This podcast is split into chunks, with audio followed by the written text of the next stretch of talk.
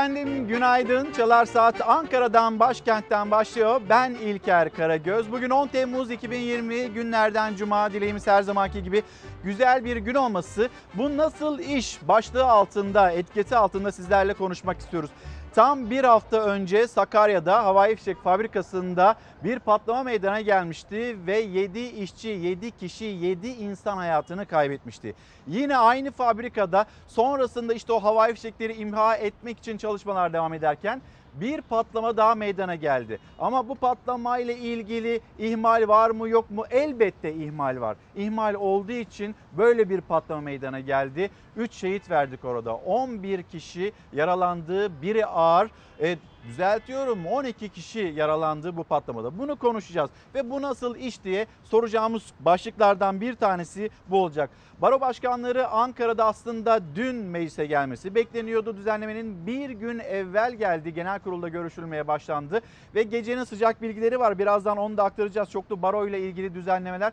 Şimdi Türkiye Büyük Millet Meclisi'nin hemen yanı başındaki Milli Egemenlik Parkı'nda geçen hafta beklemek istemişti baro başkanları. Burada polisle karşı karşıya geldiler.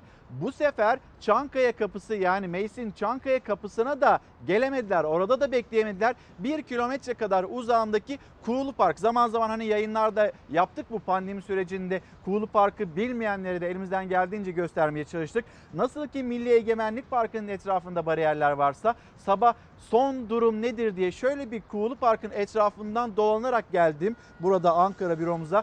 O Kuğulu Park'ın etrafında da bariyerlerin olduğunu görüyoruz ve yine o Kuğulu Park'ın etrafında çok sayıda çevik kuvvet için getirilmiş olan araçlar var. Yine megafonla seslenebilmek için polislerin getirdiği araçlar var. Çok sayıda araçla da yine Kuğulu Park'ın etrafında e, yer aldığını, aracın yer aldığını söylememiz gerekiyor. Ve yine bugün saatler onu gösterdiğinde işsizlik rakamlarını öğreneceğiz. Ama bugün biz işsizlik rakamlarını biraz analiz etmek istiyoruz. Yani gençler, genç işsizlik, onlarla ilgili ya da üniversite mezunu olan işsizlerimiz onlarla ilgili geleceğe dair bir perspektif var mı, sunuluyor mu? Bunu hep birlikte konuşmak istiyoruz sizlerle ve yine bir uzmanı ağırlayacağız. Bütün hani dikkatle Türkiye'de dikkatle takip edilen uzmanlardan bir tanesi. Özellikle gençler, gençleri de çok yakından ilgilendiren bir yayın olacağını söyleyeyim ben şimdiden. Bu nasıl iş başlığı altında konuşalım deyip gecenin sıcak haberine çoklu baro ile ilgili o düzenlemeye genel kurulda ne kadar madde görüşüldü, ele alındı ve sonrasında ne oldu? Ne sınıfı?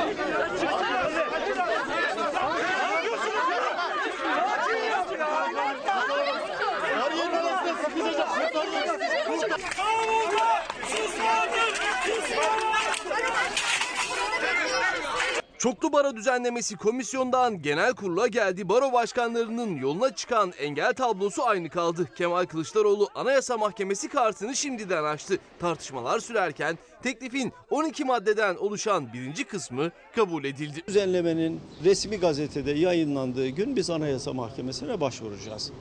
Bu çoklu baro Türkiye Cumhuriyeti Devleti'nin üniter yapısına ihanettir. E, Kalbine sokulan bir hançerdir. Buna e, izin verenler, bunu yasalaştıranlar, bunun yasalaşması için el kaldıranların tarihsel sorumluluğu vardır. Adalet Komisyonu'ndaki görüşmeler sırasında meclise girememiş günlerce kapıda beklemişti baro başkanları. Düzenleme bu kez genel kurulda. Baro başkanları ise meclisten yaklaşık bir kilometre uzaklıkta Kuğulu Park'ta. Etrafları ise yine polis barikatıyla çevrili. Bu kararı hukuka aykırı buluyoruz. Anayasaya. Biz buraya dilekçe imzalamaya geldik. Baro düzenlemesinin meclisten geri çekilmesi için bireysel olarak meclise dilekçe verme kararı aldı baro başkanları ve avukatlar. Tüm Türkiye'den avukatları dilekçe için başkente Kuğulu Park'a çağırdılar. Fakat polis baro başkanlarının etrafını bariyerlerle çevirdi. Bu dilekçe verme hakkımız anayasadan kaynaklanan hakkımız engelleniyor. Baro başkanlarının etrafı çevrildi, basın dışarı çıkarıldı. İçeri destek için gelen avukatlar dahi parka alınmadı. Zaman zaman avukatlarla polis arasında, polisle CHP'li Mahmut Tanal arasında tansiyon da yükseldi. Buyurunuz geliniz. Ama bu sefer de hayır gelmeyin. AK Partili Özlem Zengin baro başkanlığına bu daveti yaparken Türkiye Barolar Birliği Başkanı Metin Feyzioğlu genel kurul görüşmelerini izlemeye geldi. Bir kısım baro başkanımız da demokratik haklarıdır. Kuğulu Park'ta biz gelmeyeceğiz, e, gösteri yapacağız diyorlar. Baro başkanları bugün Kuğulu Park'tayken bir duruş olacaksa Kuğulu Park'ta durulması, sarayın karşısında dik durulması gerekmektedir. Siyasetin baro tansiyonu gün be gün yükselirken düzenlemenin 12 maddeden oluşan ilk kısmı Meclis Genel Kurulu'nda kabul edildi. Murat Bey, Murat Pehlivan günaydın. Kırıklar eline sizin aracılığınızla selamlarımızı iletelim. Meral Hanım diyor ki günaydın demeye dilim varmıyor çünkü her yeni günde bu tür haberleri aldığımızda da üzülüyorum. Bu nasıl iş diyorum ben de. Evet bu nasıl iş? Ülkemde neler oluyor? Yine anaların ciğeri yanıyor. Yine hukuk adamlarıyla en yakın kol kola olacakları kolluk kuvvetleri karşı karşıya gelmek zorunda bırakılıyor. Benim aklım ermiyor demekte ve bu görüntü gerçekten Türkiye'ye yakışmıyor. Çoklu baro, çoklu baro ile ilgili bir düzenleme Türkiye Büyük Millet Meclisi'nde ele alınıyor. Şu anda genel kurulda görüşülüyor. Baro başkanları Kuğulu Park'ta bekliyor ve Baro e, Türkiye Barolar Birliği Başkanı sadece Metin Feyzoğlu dün Türkiye Büyük Millet Meclisi'ndeydi ve bu görüşmeleri takip etti.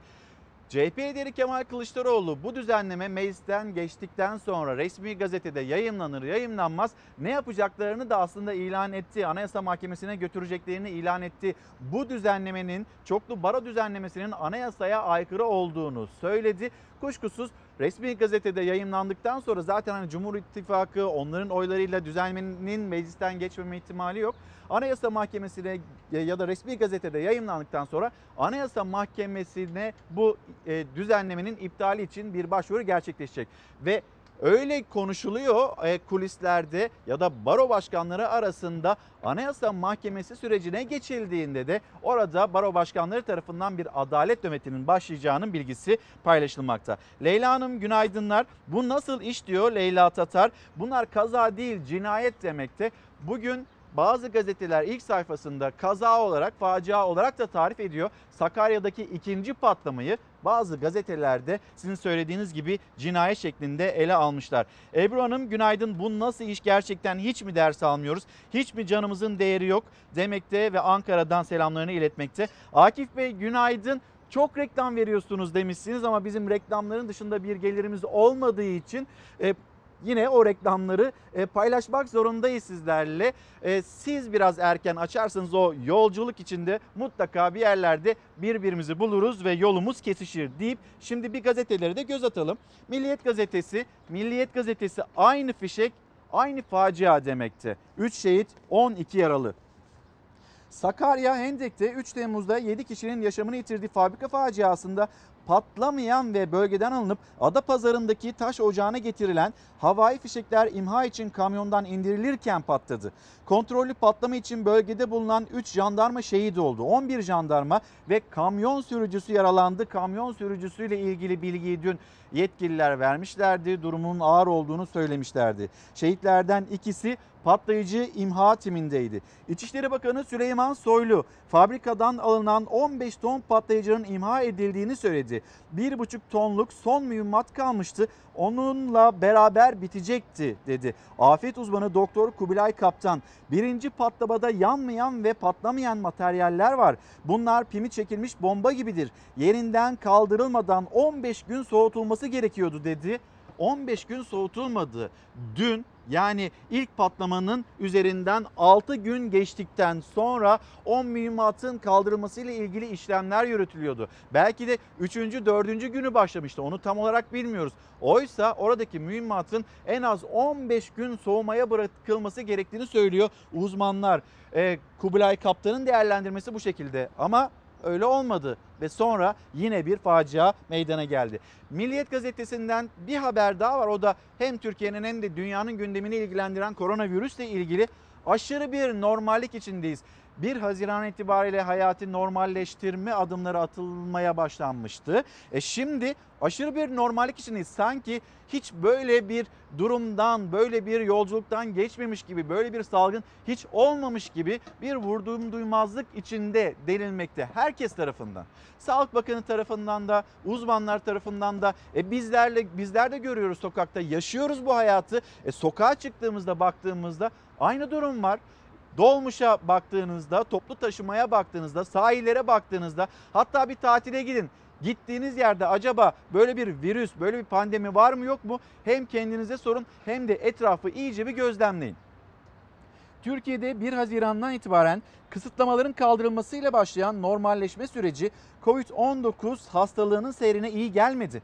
Tedbirsizlik ve umursamazlık hasta sayısının artmasına yol açtı. Yasağa rağmen asker uğurlamalar, sosyal mesafe, maske kurallarına uymadan yapılan düğünler üst üste toplu ulaşım işimizin zor olduğunu göstermekte ve bütün dünya şunu hazırlık yapıyor. Sonbaharda yeniden bu virüs, bu virüsün etkisi artabilir. Yine can kayıpları artabilir. Nasıl ki Mart ayında, Nisan ayında virüsün yayılma hızında bir e, hız vardı. Yani inanılmaz bir hızla ilerliyordu. E bakıyorsunuz şimdi yaz aylarında yani yaz aylarında yavaşlayacağı düşünülürken ilk tespitlere göre daha da hızlı bir şekilde bu virüsün yayıldığını görüyoruz. Ama buna rağmen bizler çok da tedbirli maalesef davranmıyoruz. Sağlık Bakanı Fahrettin Koca, Fahrettin Koca'nın hemen dünkü değerlendirmesine, paylaştığı mesaja ve dünün tablosuna birlikte bakalım istiyoruz. Fahrettin Koca ne söyledi? Sosyal medya üzerinden hangi cümlelerle seslendi Türkiye'ye?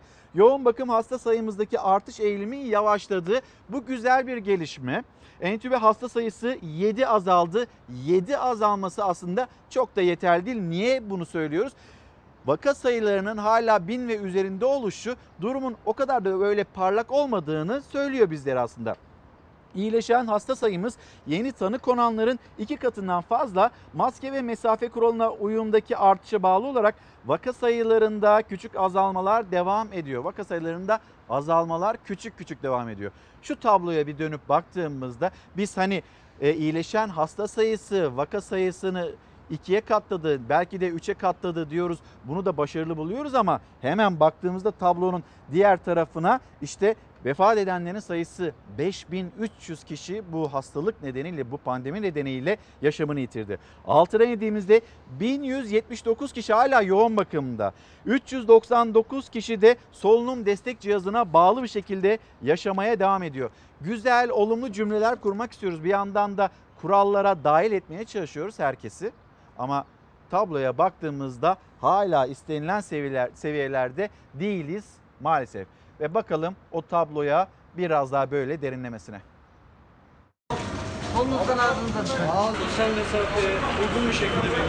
Yoğun bakım hasta sayımızdaki artış eğilimi yavaşladı. Entübe hasta sayımız 7 azaldı. İyileşen hasta sayımız yeni tanı konanların iki katından fazla.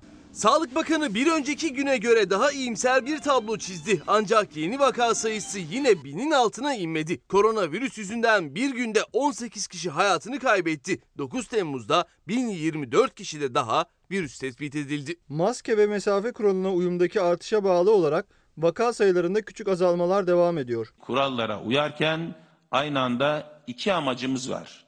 Covid-19'a yakalanmamak, Covid-19'u yaymamak.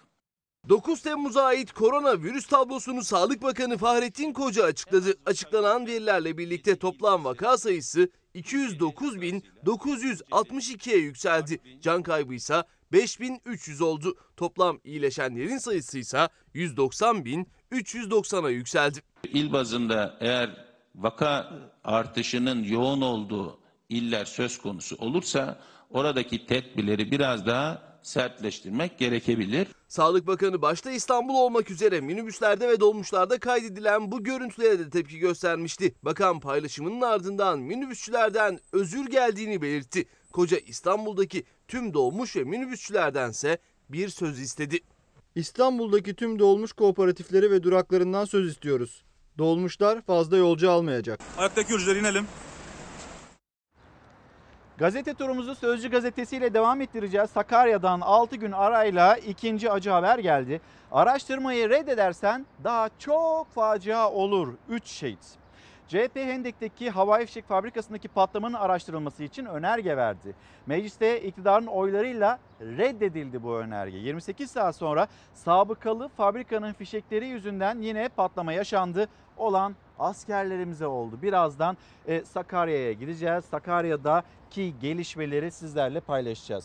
Halk TÜİK'in açıkladığı enflasyona inanmıyor. İsterseniz bu soruyu ben size bir kez daha sormuş olayım. Buraya gelen konuklarımızın hemen hepsine bu soruyu yöneltiyoruz aslında. Siz açıklanan rakamlara inanıyor musunuz? Ya da yaşadıklarınızla rakamlar birbirini tutuyor mu? Tarif ediyor mu o rakamlar sizin hayatınız diye? Bu soruyu bir kez daha sormuş olalım. Metropol halka TÜİK'in rakamlarını sormuş. Açıklanan %12'lik enflasyona inananlar %15'te kalmış. Halkın %85'i AKP'li seçmenlerin ise %66'sı TÜİK'in rakamlarını rakamları düşük hesapladığını söyledi. Katılımcıların %57'si enflasyonun %20'nin üzerinde olduğunu kaydetti. Gıda enflasyonunun %30, %35'ler seviyesinde olduğu e, tezini işleyenler de e, yine var ve bu rakamlar enflasyonla ilgili olsun, büyümeyle ilgili olsun ya da birazdan açıklanacak işsizlikle ilgili olan rakamlar. Burada bir hesaplamada gariplik var mı yok mu soruyu yöneltip bir haberimiz daha var. Ee, Sözcü gazetesinde seçtiğimiz onu da aktarmış olayım. Bahçeli İyi Parti'nin teklifine kabul dedi. MHP lideri Devlet Bahçeli İyi Partili Yasin Öztürk'ün verdiği Denizli'de Altınova adıyla yeni bir ilçe kurulması teklifine kabul oyu verdi. Teklif bu jeste rağmen AKP oylarıyla reddedildi. Yani bugüne kadar İyi Parti tarafından verilen bütün teklifler onlar MHP tarafından reddediliyordu ama Denizli, Denizli'de Altınova adıyla yeni bir ilçe kurulmasına MHP lideri Bahçeli tam evet demişti, kabul demişti. Bu kez de e, o e, teklif, o öneri AKP oylarıyla reddedildi demekte Sözcü Gazetesi. Sözcü Gazetesi'nden sizleri hemen bir Milli Gazete'ye geçireyim. Bugün yine dikkatle takip edilen adreslerden bir tanesinin Danıştay olacağını söyleyelim. Aslında gözler 2 Temmuz'da oradaydı. Sonra zaman içine bırakıldı ve bugün 10 Temmuz tarihi itibariyle Ayasofya ile ilgili bir açıklama gelebilir Danıştay'dan. Beklenti o yönde. Siyasi de hukuki de engel yok. Milli Gazete'nin manşeti. 2 Temmuz'daki duruşmada tarafları dinleyen Danıştay 10. dairesinin kararını bugün açıklaması bekleniyor. Daire 1934 tarihli Bakanlar Kurulu kararını iptal ederse Ayasofya 86 yıl sonra yeniden aslına dönecek ve cami olacak. İdari yargılama usulü kanununa göre Danıştay'ın verdiği kararın 30 gün içerisinde yerine getirilmesi gerekiyor. Bu konuyla ilgili hatırlayacaksınız Amerika Birleşik Devletleri'nin Dışişleri Bakanı Mike Pompeo bu statüde kalmasını yani müze statüsünde kalmasını istediklerini söylemişti. Ve yine Türkiye'den Türkiye Dışişleri Bakanlığı'ndan Hami Aksoy'dan Türkiye kendi kararlarını kendisi alacaktır. Bu tür e, yönlendirmeler ya da cümleler doğru bulunmamaktadır açıklamaları geldi. Ve yine Anadolu Ajansı'na konuştu Cumhurbaşkanlığı Sözcüsü İbrahim Kalın Ayasofya ile ilgili ve İbrahim Kalın ne söyledi? Ayasofya'nın camiye çevrilmesi meselesi uzun yıllardır gündemimizde olan, toplumsal talebi ve karşılığı olan bir mesele.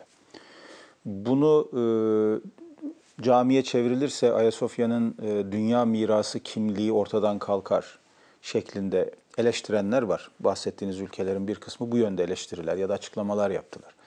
Fakat e, bu bize hiç de öyle görünmüyor.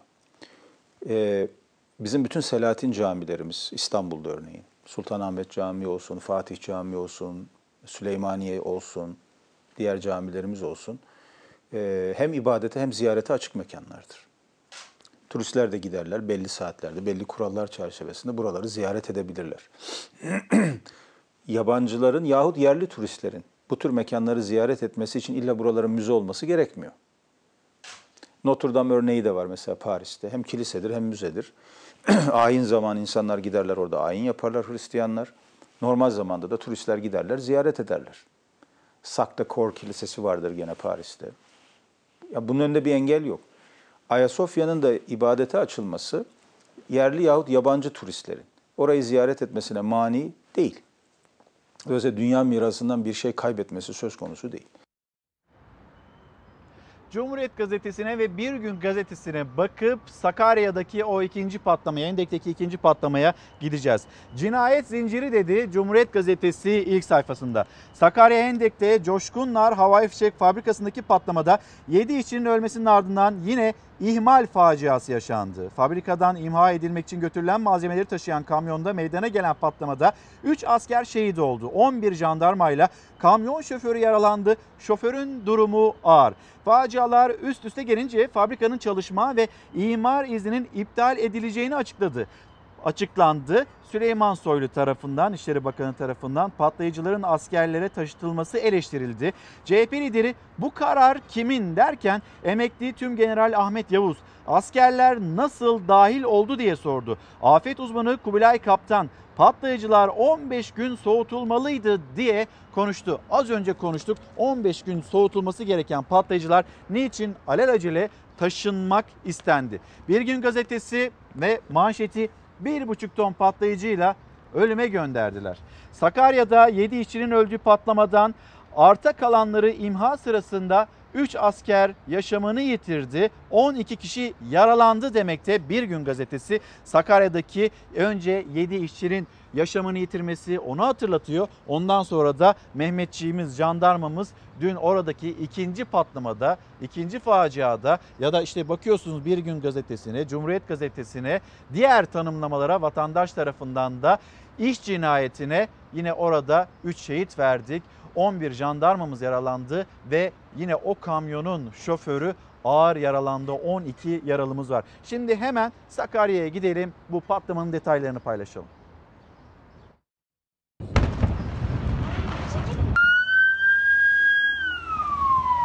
Buraya getirip işte tam boşaltma e, esnasında yani neden olduğunu yapılacak adli ve idari soruşturmalar sonucunda hepimizin de anlayacağı bir e, patlama meydana geldi. Sakarya'da 7 işçinin hayatını kaybettiği havai fişek faciasının üzerinden bir hafta bile geçmeden ikinci bir acı yaşandı. İmha edilmek üzere kamyona yüklenen havai fişekler boşaltma işlemi sırasında patladı. 3 asker şehit oldu, 11 askerle bir sivil yaralandı. Sakarya Ende'ye bağlı Yukarı Çalıca köyündeki havai fişek fabrikasındaki patlamanın ardından arta kalan patlayıcılar buraya Sakarya Adapazarı'na bağlı Taşkısığı köyüne getirildi. Burada maden ocağında imha edileceklerdi ama maalesef bir patlama yaşandı. Sakarya Hendek'te 3 Temmuz'da meydana gelen patlamadan hemen sonra bölgenin temizlenmesi için harekete geçildi. 15 ton patlayıcı imha edildi. Geriye 1,5 ton kaldı. Belediyeye ait bir kamyon sabah saatlerinde kontrollü patlamayla imha edilecek havai fişekleri yüklendi. Taşkısı mevkiindeki taş ocağına getirdi. Son bir, bir buçuk tonluk e, bir patlamaya e, hazır e, mühimmat varken veya işte patlayıcı varken bu müessif olay başımıza geldi. Saatler 11.35'i gösteriyordu. Havai fişekler jandarma eşliğinde kamyondan indirildiği sırada büyük bir patlama oldu. Gökyüzüne beyaz bir bulut tabakası yükseldi. Patlama arkamızda bulunan maden ocağında gerçekleşti. Aşağıda itfaiye çalışmalarını sürdürürken yukarıda da ekipler kamyondan saçılabilecek parçalara ve etrafa dağılabilecek patlayıcılara karşı arama çalışmalarını yürütüyor. Patlamanın şiddetiyle havai fişek yüklü kamyonun parçaları 1,5 kilometre uzağa fırladı. Olay yerine çok sayıda ambulans ve itfaiye ekibi sevk edildi. Kısa süre sonra acı haber geldi. 3 asker şehit oldu. Maalesef bu patlamada e, ikisi e, patlayıcı madde e, imha timinden olan biri Ankara'dan biri de İstanbul'dan e, buraya e, görevlendirdiğimiz arkadaşlarımız şehit oldular. Birisi de alanın güvenliğini almakla sorumlu olan yine jandarma personelimiz e, şehit oldu. Patlamada sivil kamyon şoförü ağır yaralandı. Yaralı 11 jandarma da Sakarya ve çevre illerdeki hastanelerde tedavi altına alındı. Patlamanın yaşandığı bölgeye yaklaşık 400 metre mesafedeyiz. Patlama o kadar güçlüydü ki kamyondan kopan parçalar buraya kadar savruldu. İşte onlardan birisi kamyonun metal bir parçası ve üzerinde yanık izleri mevcut. İkinci havai fişek faciasından sonra ihmal tartışmaları yeniden gündeme geldi. Kontrollü patlama esnasında gerekli önlemlerin alınıp alınmadığı uğradığı tartışılmaya başladı. 6 gün içinde yaşanan çifte acı, olay yerine giden İçişleri Bakanı Süleyman Soylu'ya da soruldu. Hem adli hem de idari soruşturma sonucunda bir eksiklik varsa da elbette ki e, buna ait de e, gerekli e, takibat yapacağımız, yani sonuçlandıracağımızı da burada e, ifade etmek istiyorum. Patlamada şehit olan jandarma uzman çavuş Mesut Yazar Manisa, jandarma subay kıdemli başçavuş Halil Tuna Akgöz Tekirdağ ve jandarma uzman onbaşı Fatih Manga Afyonkarahisarlıydı. Şehitlerin evi Türk bayraklarıyla donatıldı.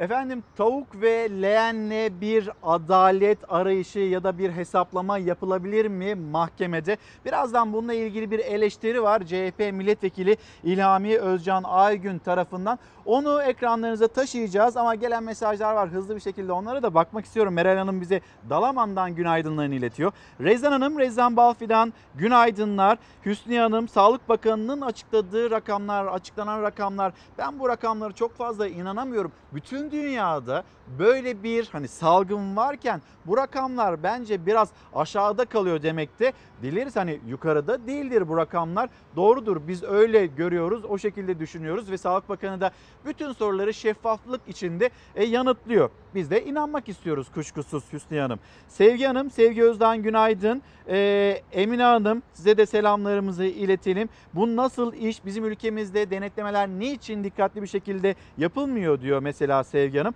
Oya Hanım selamlar. Mesajınızı gördüm. Hemen Fox'tan Fox muhabiri Yeşim Karacaoğlu'nu da aradım. Bunu biraz detaylandırmak için biraz daha hani bu konuyla ilgili bilgiyi net olarak edinebilmek için 65 yaş tatile çıkmak için gittiği yerde bir ay kalmak zorunda mı? Bilgi verir misiniz demişsiniz. Dün e, bizim apartmanda Güner abla var. Güner abla dedi ki ya İlker ben İstanbul'a gideceğim. 3 günlüğüne kızımı göreceğim geleceğim. Ama ben şimdi oraya gittiğimde bir ay kalmak zorunda mıyım? Bu tablo hani değişmeyecek mi? dedi. Yeşim'e sordum. Hayır bu konuyla ilgili bir düzenleme henüz yapılmadı. Yani gittiğiniz yerde hala 60 e, 65 yaş üstüyseniz bir ay boyunca kalmanız gerekiyor. Şu anki düzenleme bu şekilde dedi. Yeşim'in verdiği bilgiyi aktarıyorum size. Yine Sağlık Bakanlığı'ndan da bunun net bilgisini edinip paylaşacağım. Hem Oya Hanım sizin için paylaşacağım. Hem sevdiklerine gitmek isteyen kişiler var. Hem de Güner abla senin için de paylaşacağım bu bilgiyi. Ve gidelim Çorlu tren faciasının yıl dönümüydü. Ayın 8'i 8 Temmuz tarihi ikinci yıl dönümüydü. Şimdi mahkeme mahkeme aşaması devam ediyor. Aileler ailelerin de yine adalet arayışı devam ediyor. Ama o duruşma salonlarında 5. duruşmada öyle hesaplamalar yapıldı ki aileler çileden çıktı. Çorlu tren kazasının 5. duruşmasında gördüklerimiz gerçekten dudak uçuklatmaktadır. Çünkü bilim bir kenara bırakılmış, tavuk ve lehen üzerinden hesabıyla konunun üzeri örtülmek istenmektedir. Değerli, baş, değerli başkan, sayın milletvekilleri, tanıklara yöneltilen sorulara bir bakın. Allah aşkına ne kadar yağmur yağdı? Lehen çok mu doldu, az mı doldu? Yağmur sularının dolduğu kümeste kaç tavuk telef oldu? Ya bu ucube sorularla oradaki insanlar karşı karşıya kalıyorlar. Bu soruların nedeni kazanın sorununu yağmur atmak içindir. Yazıklar olsun diyorum. Vicdanınıza sesleniyorum. Ne zamandan beri adaletin terazisi lehen oldu, tavuk oldu diyorum. Evet, mahkemedeki bu akılda şu diyaloglardan utanıyoruz. Leğenli yağmur miktarı nasıl ölçülür diye sizlere sormak istiyorum. Leğenin büyüklüğüne göre çıkacak sonuç değişir. Hangi leğenle yağmur suyunu ölçeceğiz diye sizi soruyorum. Ey gidi Türkiye, ey, güzel ülkem ey, biz bugünleri görecek miydik acaba? İnanmazdık ama maalesef yaşıyoruz. Atatürk'ün en büyük yol gösterici ilimdir, irfandır dediği günlerden tarikatların er yanı sardığı, bilimin rafa kaldırıldığı, aklın yok sayıldığı günlere geldik. Teşekkürler abi. Bugün Ankara yine e, serin ve biraz da böyle esintili zaman zaman gazeteler e, uçmakta mandalla tutturur gibi hepsini bir yerden tutturmaya çalışıyoruz. Uçurmayı geçin havalanamadık bir gün gazetesiyle devam ediyoruz. Saray kabinesi 2 yılı doldurdu. Türkiye'yi uçuracak denilen sistem her alanda geriye götürdü. Cumhurbaşkanlığı hükümet sisteminin ilk kabinesi 2 yıl önce bugün kuruldu. CHP Genel Başkan Yardımcısı Fethi Açıkyel'in hazırladığı rapora göre Türkiye 2 yılda her alanda büyük bir savrulma yaşadı. Yargı bağımsızlığı, ekonomi ve basın özgürlüğü gerilemenin en çok yaşandığı alanlar oldu. Yeni sistemin Türkiye'yi uygar dünyanın önemsediği tüm alanlarda diplere savurduğunu söyleyen Açıkyel şöyle dedi. Saray rejimi Türkiye'nin yapısal hiçbir sorununu çözemedi. Rezervlerini tüketti ve büyük bir borç sarmalı içine sürükleyerek adeta ikinci bir duyunu umumiye rejimi yarattı dedi. Değerlendirmesi, açıklaması bu şekildeydi. Ve yine Bir Gün Gazetesi, Bir Gün Gazetesi'nde logonun hemen yan tarafında bir haber. Ali İsmail Korkmaz 7 yıldır düşlerdi. Üniversite öğrencisi 19 yaşındaki Ali İsmail Korkmaz'ın gezi direnişi sırasında Eskişehir'de katledilmesinin üzerinden 7 yıl geçti. Ailesi ve sevenleri Ali İsmail'i bugün mezarı başında anacak. Anne Emel Korkmaz hala elinde valiziyle gelmesini bekliyorum. Hayatta kalsaydı çocuklara çok güzel şeyler öğretecekti yavrum. Onunla konuşuyorum dedi Ali İsmail Korkmaz'ın annesi Emel Korkmaz. Limandır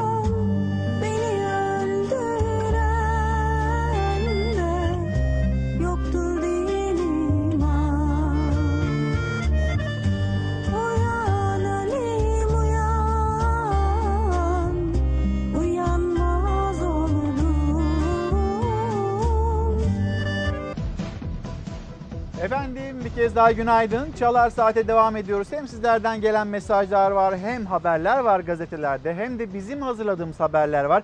Yeni günün notlarını akşamdan sabaha yansıyan tüm notları sizlere aktarmakla yükümlüyüz ve şu anda da devam edelim isterseniz turumuza mesajlarınızla. Hakan Bey, Hakan Çaycı havai fişekleri kontrol altına alamazken Hani burada bir takım ihmaller yaşanırken biz nükleer enerjiyi konuşuyoruz, nükleer santralleri konuşuyoruz. Orada yeterince önlemleri alacak mıyız, alamayacak mıyız? Bununla ilgili şüphelerini dillendirmekte.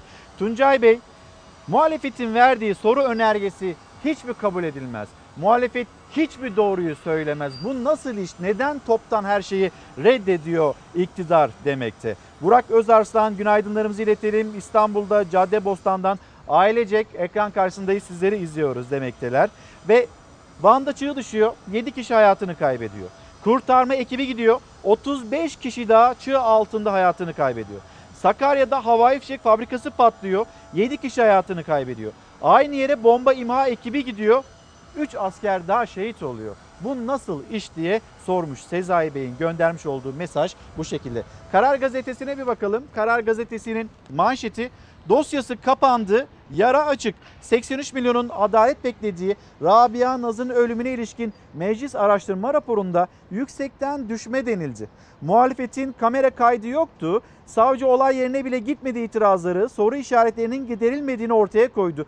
9 yaşında bir kızın şüpheli ölümünün karanlıkta kalan noktalarla kapatılması kamuoyu vicdanını yaraladı. Dosyası kapandı ama bu yara açık, ailesi nezdinde açık, toplum nezdinde açık. Bu şekilde bir dosya kapatılabilir mi? İşte bunu soruyor Karar Gazetesi ve ailesi. Ailesinin de bir adalet arayışı var. Şimdi sizleri Çanakkale'ye, Çanakkale Ayvacık'a götüreceğiz. Ayvacık ve Midilli arasında biliyorsunuz göçmen trafiğinin en fazla yoğun olduğu yer burası.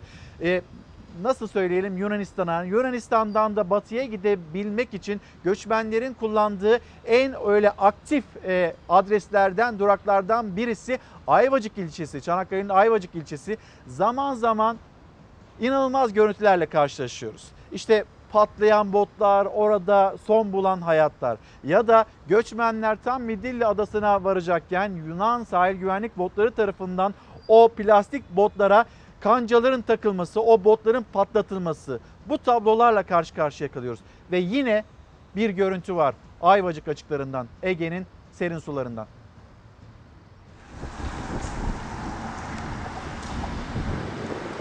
Bambaşka ülkelerden gelip aynı patlak botta kesişen ve aynı umuda sarılan insanlar, çocuklar, kadınlar, masumlar.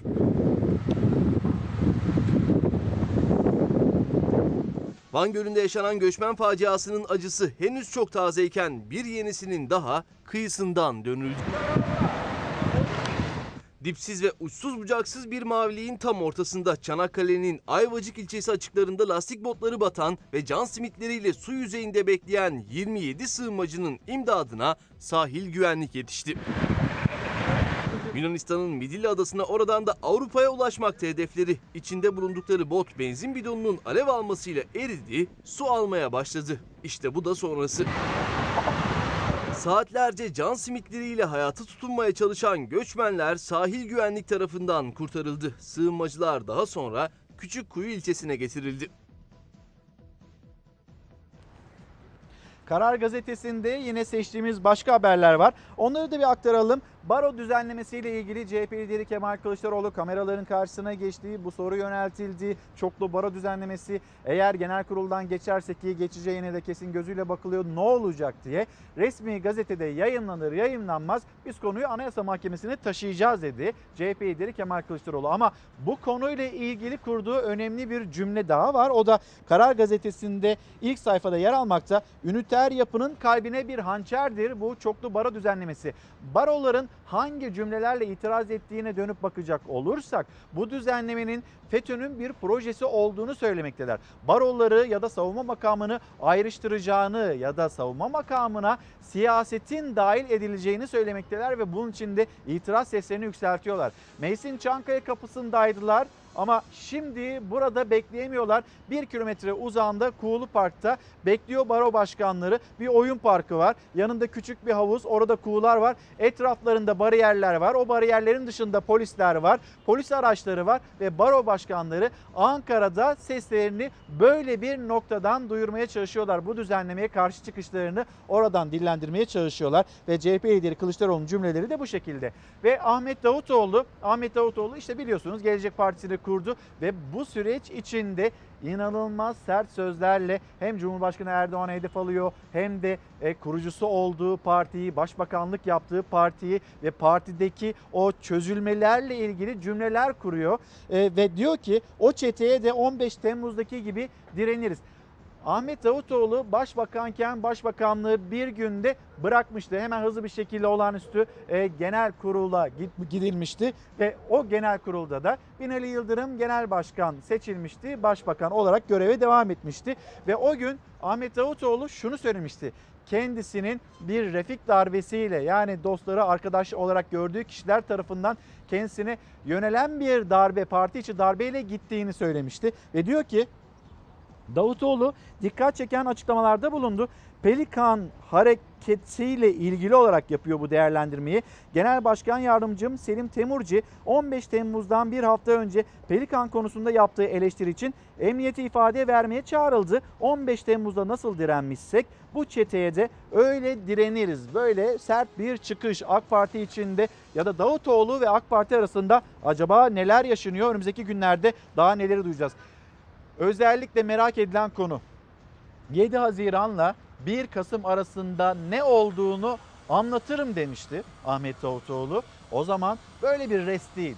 Çıkacak diyecek ki 7 Haziran tarihinde şu şu şu şu oldu 1 Kasım tarihine kadar. Bunları söylemesi, bunları açıklaması gerekiyor. Belki zamana yayıyor. Bilmiyorum Ahmet Davutoğlu'nun stratejisi nedir ama bunu ya da o süreçte ne olduğunu Ahmet Davutoğlu'nun açıklaması gerekmekte. Gelelim Gazete Pencere. Gazete Pencere'nin manşetindeki haber Sakarya'da gerçekleşen ikinci patlama. Basra harap olduktan sonra ne anlamı var ki zaten geride kalanların? Cevap bekleyen sorular. Neden acele edildi? Neden 15 gün beklenmedi? Neden yerinde imha edilmedi bu mühimmatlar? Kararın altında kimlerin imzası var? İşte bu sorular soruluyor. 11 yılda 6 kez patlayan her seferinde isim değiştirerek faaliyetine devam eden son patlamada 7 işçinin hayatını kaybettiği havai fişek fabrikasının ruhsatı iptal edildi. Ve ruhsatı iptal edildi de Basra harap olduktan sonra bu ruhsatın iptal edilmesinin ne anlamı var? Bakın 11 sene içinde 6 kez patlamış ve her defasında isim değiştirerek yoluna devam etmiş bir fabrikadan bahsediyoruz. Zaman içinde yine yaşam kayıpları, yine yaralanmalar bunların olduğunun bilgileri de paylaşılıyor. İşte e, 2011 yılının Şubat ayı yine bir patlama, yaralanan insanlar, can kayıpları ve fabrikanın sahibine, amcasına verilen ceza. Bir gün hapis yattılar mı? Bir gün dahi hapis yatmalılar ve sene 2020 yine büyük bir patlama. Önce 7 kişi hayatını kaybetti. Sonra da 3 askerimiz, jandarmamız şehit oldular. Buradaki patlamanın ardından dileğimiz daha fazla kötü haberler gelmesin. Ülkemizden, güzel ülkemizden güzel haberler gelsin. Bizler de güzel haberler paylaşabiliyor olalım. Ama bu nasıl iş diye sormak zorunda kalıyoruz. İşte Çığ faciası onu hatırlatan bir izleyicimiz var. İşte Sakarya Hendek, Hendek'te olan durum bir patlama kontrollü bir şekilde diğer geri kalan o maddeler patlatılmaya çalışılırken yine şehitler veriyoruz. Yine yaralanmalar var. Bu nasıl iş diye soruyoruz. Bugün soruyoruz. Dileriz önümüzdeki günlerde bu soruları sormaktan vazgeçeriz ve siyasetin gündeminde de bu konu vardı tabii ki. Allah'tan rahmet diliyoruz. Bu kararı kim aldı? Taşımaya kim izin verdi? Neden olduğu yerde imha etmediler? İnsanların patlayıcı maddeyle bir kamyonun içinde bir yerden alınıp başka bir yere götürülmesi önlem alınmadığını gösteriyor. E, herhalde bunun da bir sorumlusu vardır. Özel bir şirketin yarattığı bu tehdidi ortadan kaldırırken Mehmetçiyi kullanmak, belediyenin kamu araçlarını kullanmak buna artık hakikaten biraz vicdan, biraz insaf, biraz kalbi bir pencereden de bakmak lazım. Bu patlayıcıların İçişleri Bakanlığı personeli tarafından bu konuda eğitim almış, patlayıcı imha eğitimi almış timler tarafından imha edilmesine e, zarureti var. Çünkü bunların e, normal taşınması da mümkün değil, imhası da mümkün değil. meydana gelen patlamaya bir kaza demek mümkün değil. İkincisine de bir kaza demek mümkün değil. Çünkü böyle bir tedbirsizliğin insanların ölüme yol açması hakikaten inanılır gibi değil. 6 gün arayla bu kadar acı nasıl olabilir? Ankara bu soruyla yankılandı. Sakarya'da özel sektöre ait havai fişek fabrikasındaki patlamada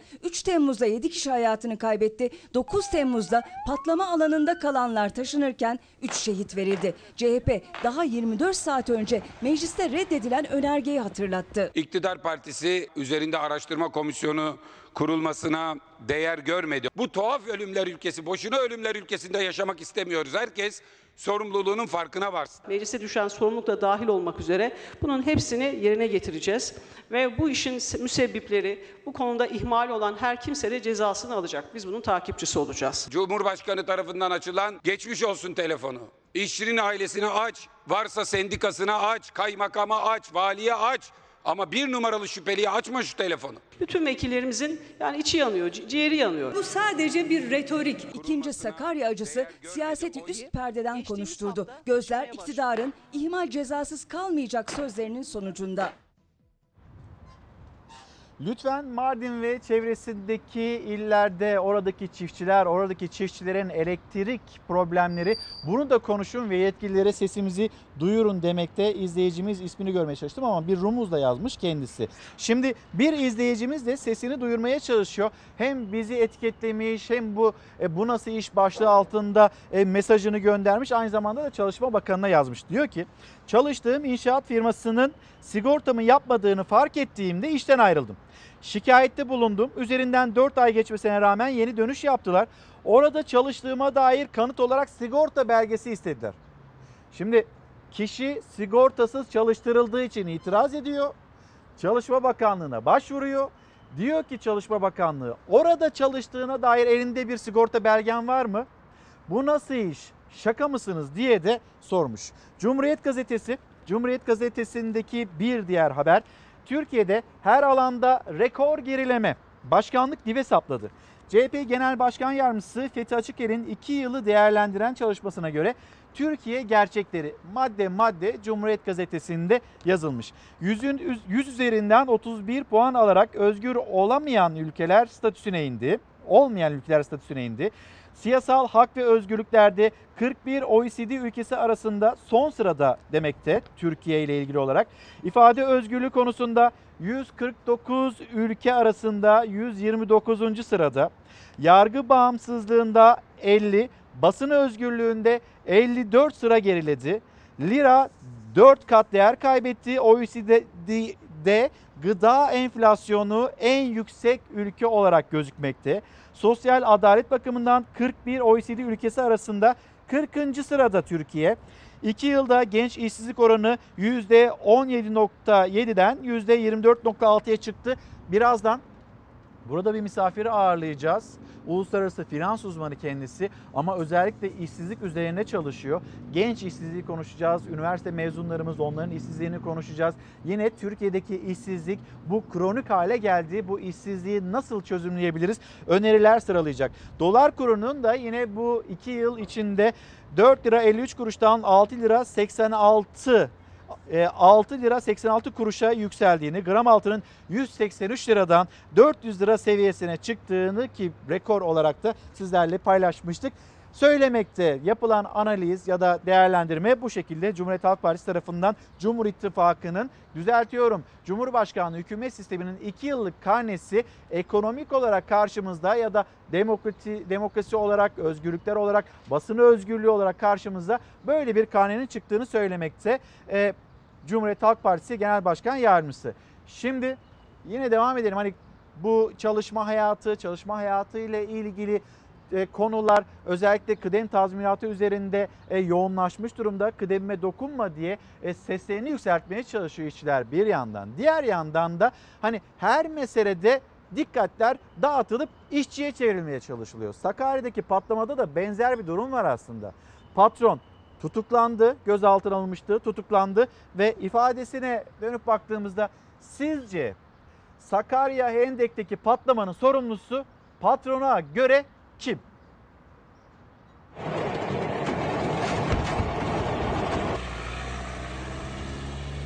Uyarılara rağmen işçiler fazla malzeme getirmeye devam ediyorsa işçiler de sorumludur. Bunun kontrolü ve sorumluluğu bende değildir. Suçu çalışanlara attı. Denetim yapılacağının haberini önceden aldığı iddiasını reddetti. Aynı zamanda MÜSİAD'ın Sakarya Şube Başkanı olan Yaşar Coşkun, Sakarya'daki havai fişek fabrikasındaki patlamada sorumluluğu olmadığını savundu. Savcılık ifadesinde söyledikleri diğer tutuklu çalışanlardan farklıydı. Fabrika müdürüyle ustabaşı işçilere daha fazla üretim için baskı yapmaktaydı. Bu nedenle işçiler yanlarına daha fazla malzeme alıyordu. Hangi depoda ne kadar iyi mal, malzeme vardı bunu ben bilmiyorum. Ne kadar ürün stoklandığını da bilmiyorum. 3 Temmuz'daki patlamada 7 işçiye mezar oldu Sakarya Hendek'teki havai fişek fabrikası. Daha önce de ölümlerin yaşandığı fabrikanın sahibi ve 4 çalışan tutuklandı. Denetime dair iddiaları savcı da sordu fabrika sahibi Yaşar Coşkun'a. Ankara'dan denetime gelenler olur. Denetim olacağı bana bir gün önceden söyleniyordu. Fabrikada yılda 3-4 denetim yapılırdı. Kesinlikle bize denetimden önce haber gelmezdi.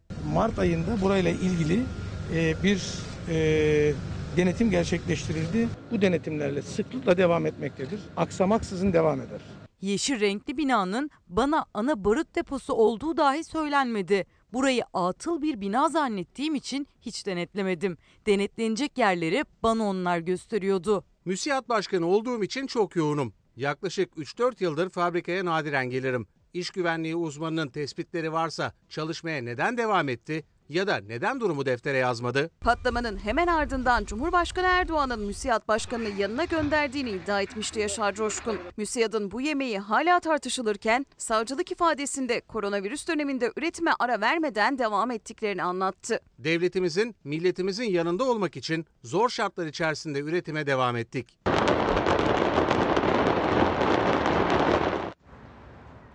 Nülüfer Hanım günaydın. Instagram'dan, Twitter'dan gelen mesajlar var. Elimden geldiğince yakalamaya çalışıyorum. Bir yandan haberleri paylaşıyorum. Bir yandan da sizlerin göndermiş olduğu mesajlar akıyorum. İlker Karagöz Fox Instagram adresim, Karagöz İlker Twitter adresim. Bir kez daha hatırlatalım ki bize nereden ulaşacağınızı, ulaşabileceğinizi bilin ve bu nasıl iş etiketi altında konuşuyoruz. Nilüfer Çetin diyor ki bu ülkede barolara, avukatlara barikat kurmak hani görülmüş şeyler değil, görülmüş şeyleri yaşamıyoruz demekte. Ve bir izleyicimiz e, 4-5 milyon metreküp kömür için Konya'nın mahallesi olan Çavuşçu Göl'de yaşayan bin kişi hiçe sayılıyor. Köyün içinde kömür ocağı istemiyoruz diyor e, bir izleyicimiz bu mesajı paylaşmış. Bir çevre haberinden söz etmekte. Bu nasıl iş başlığı altında? Şimdi hani bu nasıl iş? Hazine için 3000 yıllık göl kurutulur mu demiştik ya. Taşıma suyla da böyle değirmen e, çevirmeye çalışılıyordu dipsiz gölle ilgili. E, Murat Kurum, Çevre e, ve Şehircilik Bakanı bu konuda olumlu gelişmelerden söz etmekte. O bilgiyi paylaşıp öyle devam ettirelim haber yolculuğumuzu.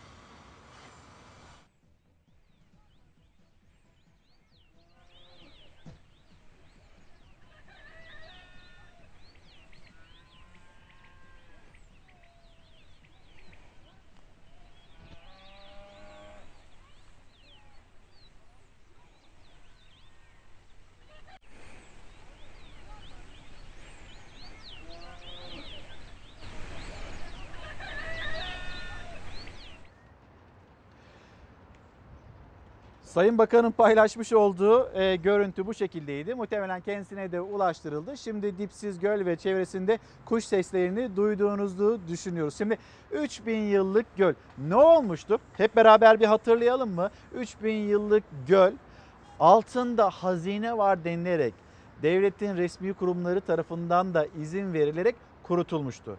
Göl kurutuldu, o göl kazıldı. Ondan sonra tabii ki altında hazine falan yoktu. Sonra Türkiye ayağa kalktı. Ya böyle şey olur mu? Böyle anlamsız bir izin verilir mi? Hazine mi değerli? Sizin tarihiniz mi? Coğrafyanız mı? Doğal güzellikleriniz mi değerli diye bu sorular yükselince sonra buranın tekrar bir ıslah çalışmaları başladı ve şimdi de Dipsiz Göl'ün düzeldiği, bundan sonra da yine bir problem yaşanmayacağı, gölün kurumayacağı söyleniyor. Ee, çalış düzeltiyorum Çevre Bakanı tarafından. Gelelim Akşam gazetesi, Akşam gazetesinin manşeti bakkal amcaya vefa. Türkiye'de salgın süresince eve kapanan vatandaş işleri düzelsin diye büyük marketler yerine mahalle bakkalı ve esnafından alışveriş yapmaya yapmayı tercih etti. Yani diyor ki vatandaş bakkal amcayı seneler sonra çünkü her taraf AVM olunca ya da her mahalleye bir tane AVM yapılınca oradaki küçük esnafın ne kadar sıkıntıya düştüğünü görmüştük, söylemiştik, paylaşmıştık. Bu pandemi sürecinde bakkal amcaya e, vatandaş sahip çıktı. Bunun haberi. Sadece bu başlık altında mı ele alınıyor yoksa marketlerden vatandaşlar kalabalığa da girmeyelim diye uzak durup böyle daha sakin bakkalları tercih ettiği için mi böyle bir tablo var? O soruyu da size sormuş olayım. Bağımsız araştırma şirketi Fly, Haziran ayında Türkiye dahil 16 ülkede 10 bin kişiyle anket yaptı. Araştırmaya göre tüketicilerin %59'u alışveriş için evinin çevresindeki dükkanları kullandı. E zaten arabaya binip gidemiyorduk. Yani yasaklama o şekildeydi. Eve en yakın yerden gidip alışveriş yapıyorduk. Dolayısıyla eve en yakın yerden alışverişi tercih ettiler demekte bir beis yok. Araştırma bu haliyle hem doğru hem de gereklilikti. Vatandaş bunu yapmak zorundaydı. Vatandaşların %45'i de aynı süreçte yakın çevresindeki dükkan ve mağazaları keşfettiğini söyledi. Vatandaş o dükkan ve mağazaları zaten biliyordu. Ama siz o dükkan ve mağazaların yanına eğer gider bir AVM dikerseniz ya da çeşitlendirirseniz çocukları ve herkesi o AVM'lere sürüklerseniz tabii ki vatandaş o yakınındaki esnaftan alışveriş yapmayı bırakır. Ve yine dükkan mağazalar keşfedildi denilirken vatandaşların %71'i de kısıtlamalar kaldırılsa bile yerelden alışveriş e, yapacağını söyledi. Yani ben bu alışveriş yerlerinden vazgeçmeyeceğim demişler. Ama esnafın sıkıntısı devam ediyor. Esnaf kendilerine yeni yeni e, desteklerin çıkılması gerektiğini söylüyor. Birazdan TESK Başkanı Bendevi Palandöken hükümete yeni bir çağrısı var. Zaman zaman burada ağırlıyoruz. Esnafın sesini duyurmaya çalışıyoruz ve o yeni çağrı neyi içeriyor? Birazdan onu da paylaşacağız. Şartlar uygun olursa okullar açılır. Milli Eğitim Bakanı e, Ziya Selçuk'un açıklaması, değerlendirmesi bu şekilde. Hemen onu da okuyalım. Milli Eğitim Bakanı Selçuk 31 Ağustos'ta eğitime başlanmasına bilim kurulu verilerine göre karar verileceğini söyledi. Bunu çok fazla detaylandırmadan bir haberimize gidelim. Sonra konuşmak istiyoruz. 31 Ağustos tarihinde okullar açılacak mı, açılmayacak mı? Eğer açılmazsa ne yapılacak? En çok hangisinden var? Yıldız mı? Rakam mı yoksa harf mi? Okula gitmeyi isterim. Neden? Çünkü okul daha eğlenceli. Arkadaşlarım var, öğretmenim var o kadar. Evden zor mu oluyor? Zor. Ne açıdan zor oluyor? Böyle e, öğretmen anlatamıyor, kontrol edemiyoruz. Böyle bir şeyler Allah bullah kafam. Uzaktan eğitimin bize öğrettiği bir ders var. Öğrenmenin uzağı, yakını, şimdisi sonrası yok. Uzaktan eğitim tarzında, online tarzında veya hibrit farklı yöntemler olabilir. Yüz yüze eğitim için gözler 31 Ağustos'a çevrildi ama uzaktan eğitim de hala masada. Salgının seyri riski artırırsa yine online eğitim devreye girecek. Haftalarca uzaktan eğitimi deneyimleyen öğrenciler ve velilerse şimdiden endişeli.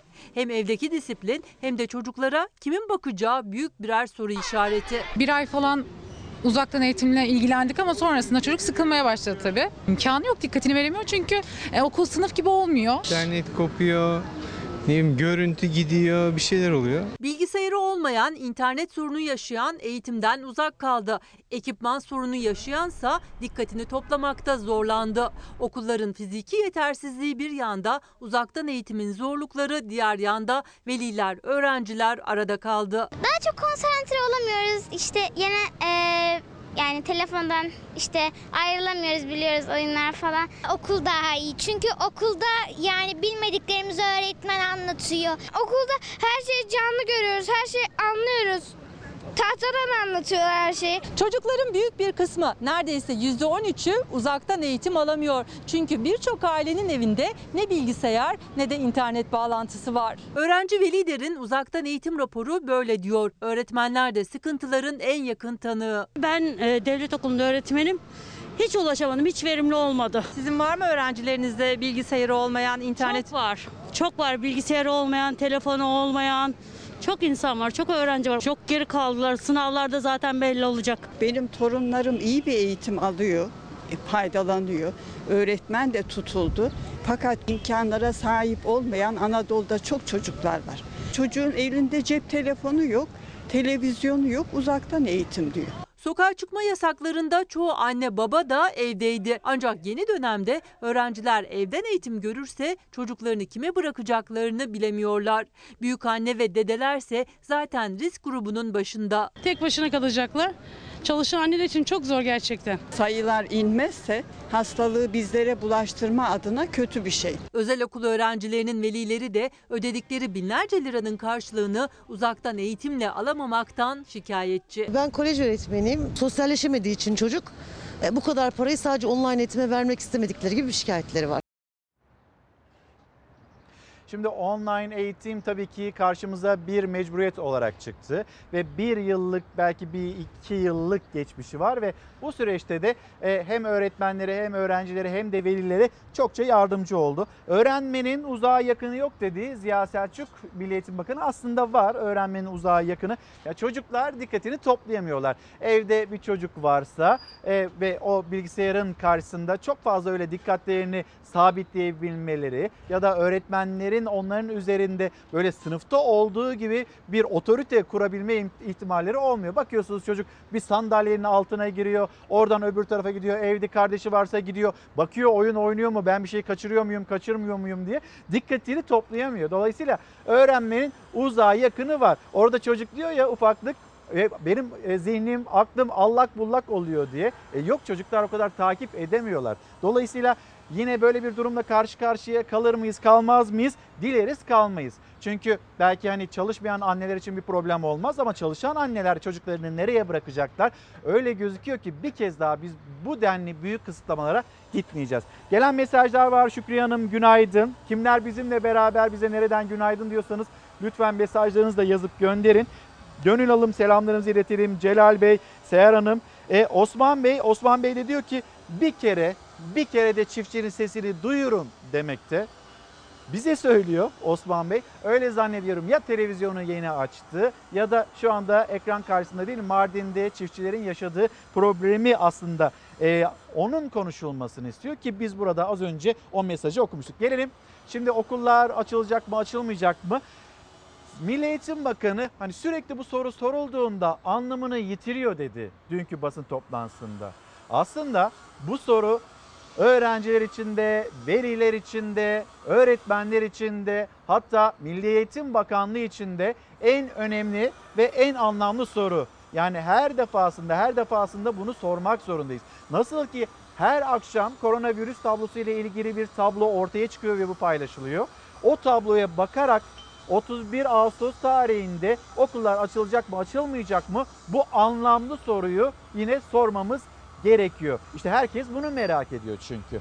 Milli Eğitim Bakanı şartlar uygun olursa okullar açılır dedi. Elbette bir takvim ortaya koymak zorunda Milli Eğitim Bakanlığı. Bu takvim üzerinden e, öğretmenlere seslenmeli, okullara seslenmeli ama bir de işin o anlamlı sorusu var. Okullar açılacak mı, açılmayacak mı? Bir, bir pozisyon alma meselesi var.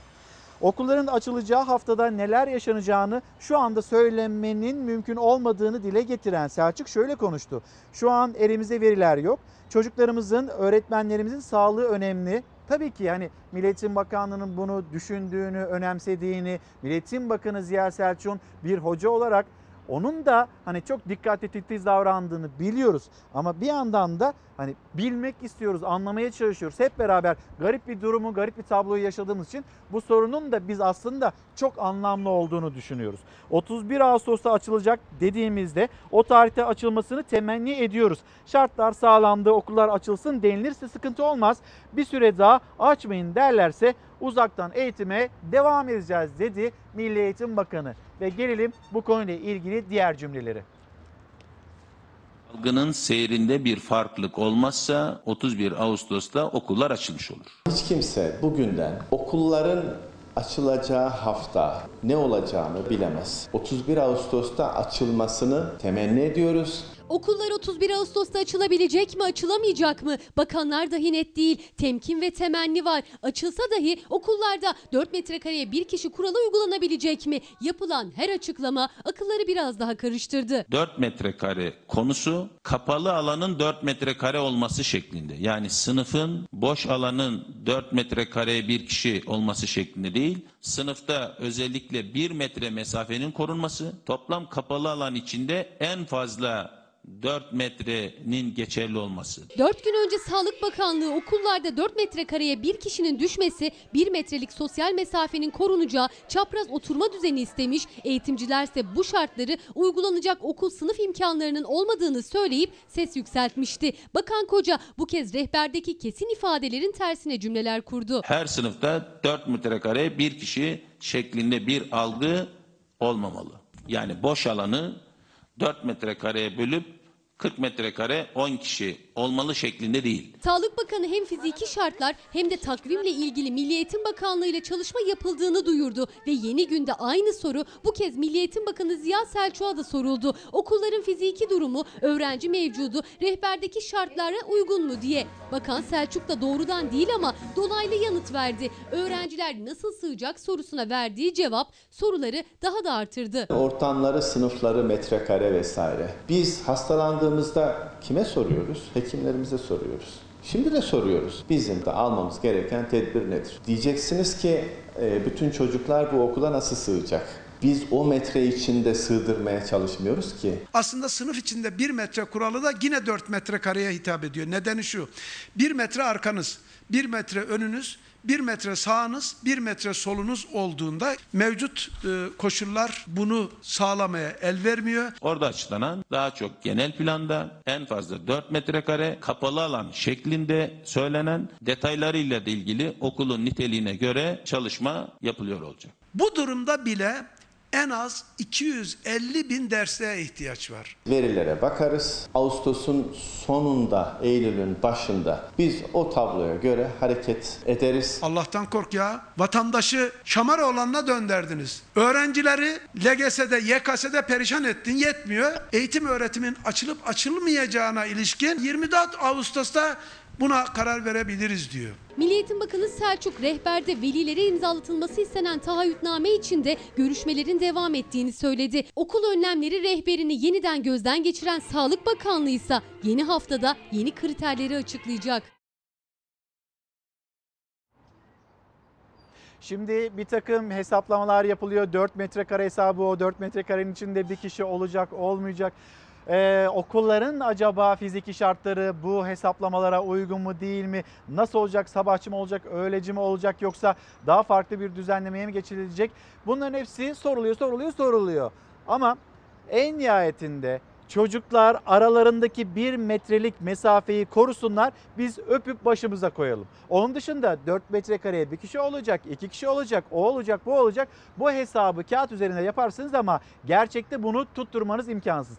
Neden? Gidin bakın parka çocuklar arasında böyle bir hani araya mesafe koyup oyun oynama ya da konuşma var mı yok mu? Ona göre biraz cümle kurmak gerekiyor. Bence inşallah bütün telkin de öyle olsa galiba biraz daha doğruya yaklaşmış oluruz. Aradaki mesafeyi, bir metrelik mesafeyi lütfen koruyun evladım dediğinizde o çocuklar ona ne kadar dikkat ederse o kadar da başarılı olunur. Türk Gün Gazetesi, Türk Gün Gazetesi'nin manşeti her ihtimale hazırız. Milli Eğitim Bakanlığı da bunu söylüyor. E, aynı zamanda Sağlık Bakanlığı bunu söylüyor. Her ihtimale hazırız. Elbette olmak zorundalar. Zaten görevleri bu. Yani ihtimale, her ihtimale hazır olmayacaklar da biz çocuklarımızı öyle hurra bir şekilde okullara gönderecek halimiz yok. Milli Eğitim Bakanı Ziya Selçuk şartlar elverişli olursa okullar 31 Ağustos'ta açılacak demekte. Şimdi diyor ki Sağlık Bakanı Fahrettin Koca da eğer seyir bu şekilde olursa okullar açılacak. Tamam da şimdi seyir Bugünkü seyire baktığımızda vaka sayıları bin ve üzerinde iyileşenlerin sayısı her gün vaka sayısını katlıyor olabilir. Ama yine yaşamını yitiren insanlar var. Bu devam ediyor. Entübe sayısı artıyor. Ondan sonra yoğun bakımdaki hasta sayısı artıyor. Yine bu seyirde devam ederse açılacak mı okullar? Biraz daha belki bu konuyla ilgili daha detaylı, daha kapsayıcı bir değerlendirmede, açıklamada bulunulması gerekiyor olabilir. Şimdi hemen bir haber daha paylaşalım. Biraz da çiftçimizi ilgilendiren bir haber olacak. CHP'nin İİDE Milletvekili Ömer Fethi Gürer baktığınızda meclisten çok daha çok sahada olan bir milletvekili çiftçinin sorunlarını ülkenin gündemine, meclisin gündemine taşımaya çalışan bir isim. Mecliste bir basın toplantısı düzenledi ve kiraz üreticisinin yaşadığı sıkıntıları anlattı. İngiltere'nin, Fransa'nın, Almanya'nın aldığı kirazlarımızın düştüğü durum kaygı vericidir. Çünkü üretici bu ürün için yaptığı masrafı geri alamaması demek, borçlarını ödeyememesi demektir. Geçen yıl dalında kilosu 7 liraya satılıyordu. Bu yıl 2,5 liraya kadar düştü dünyaca ünlü ulu kışla kirazı. Oysa maliyeti 5 lirayı buluyor diyerek kiraz üreticilerinin mağduriyetini meclise taşıdı CHP milletvekili Ömer Fethi Gürer. Üreticilerin beklentileri bölgedeki ürünün değer bulması yönündedir. Dünyaca ünlü ulu kışla kirazı bu yıl üreticisinin yüzünü güldürmedi aksine büyük çıkmazdı çiftçi. CHP'li Gürer'e göre üreticiyi zora sokan aracılar. Ne yazık ki bu yıl tüccar bölgede İngiltere kraliçesine dahi gönderilen bu kirazların fiyatını 2,5 liraya kadar çekmiş durumdadır. Maliyeti 5 lira olan kirazı aracıların üreticileri zora sokarak 2,5 liraya satmaya zorladığını iddia etti CHP'li Gürer ve o kirazın tezgahta 14 liraya kadar satıldığını. Pazarda fiyatı 14 lirayı bulurken 2,5 liraya kadar bölgede kirazın fiyatının düşmesi sıkıntının yaklaşık 10 bin üretici 50 bine yakın insan üzerinde olumsuzluğu vardır. Kiraz üreticilerine kulak verilmeli, desteklenmeli dedi CHP'li Ömer Fethi Gürer. Aynı mağduriyeti bir kez daha yaşamamak için depolama ve paketleme tesislerinin gerekliliğine dikkat çekti. Bu bağlamda bakanlığın ihracatın daha da artması yönünde çalışmada bulunması gerekir. Mecliste bir yandan üreticinin, çiftçinin problemleri, diğer yandan da gergin oturumlar. Genel başkan benim. Benim genel başkanım.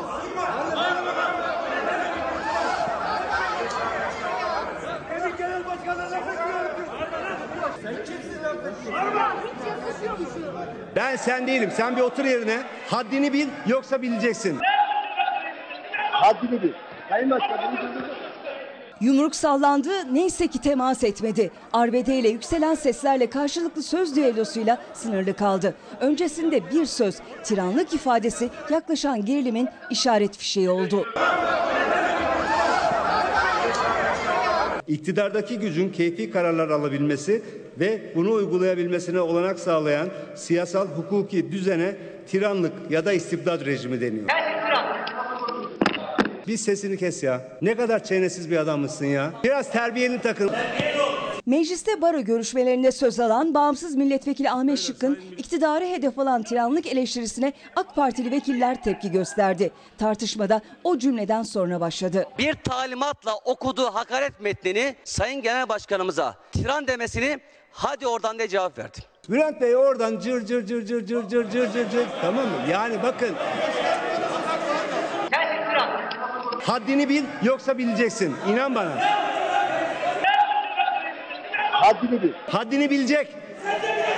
Tabii ki. Cumhurbaşkanına hakaret fiili işlemiş olduğundan meclisten geçici olarak çıkarma gerekmektedir.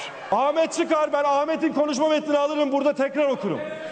Beni atarsınız başkası gelir tekrar ata- okur. Bizi susturamazsınız. Tansiyon giderek yükseldi. AK Parti grubu Ahmet Şık'ın tiran sözlerine karşılık Cumhurbaşkanı'na hakaretten iki oturum men cezası istedi. Savunma konuşmasını Türkiye İşçi Partili Erkan Baş yaptı. Tam konuşmayı bitirip yerine gidiyordu ki AK Parti sıralarından Erkan Baş'ın konuştuğu kürsüyü iyice temizleyin diyerek atılan laf tarafları karşı karşıya getirdi. Gerçekten Bülent Bey laf mı bu ya? İyice temizle olayı. İyice temizle olayı. Ne demek? Ne demek? Hangi terbiyesiz? Hangi terbiyesiz? Çık, tamam.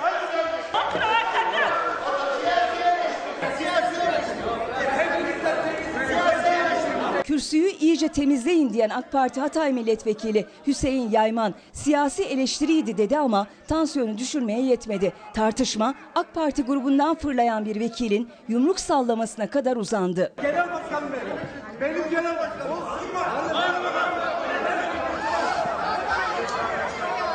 Benim genel başkanına laf etmiyorum. Sen kimsin laf etmiyorsun? Hiç yakışıyor mu Vekillerin araya girmesi ve genel kurula ara verilmesiyle kavga büyümeden engellendi. Yeni Çağ Gazetesi ve Yeni Çağ Gazetesi'nin manşeti borca batan işçiler açlıkla savaşıyor. Covid-19 nedeniyle daralan ekonomide 13 milyon istihdam kaybı oldu. Sıkıntıya düşen işçiler ailelerini doyurabilmek için çareyi ucuz besinlere yönelmekte buldu. DİSK Genel Başkanı Arzu Çerkezoğlu, Türkiye büyük istihdam kaybı ve işsizlik dalgasıyla karşı karşıya. Bir kez daha hatırlatayım efendim.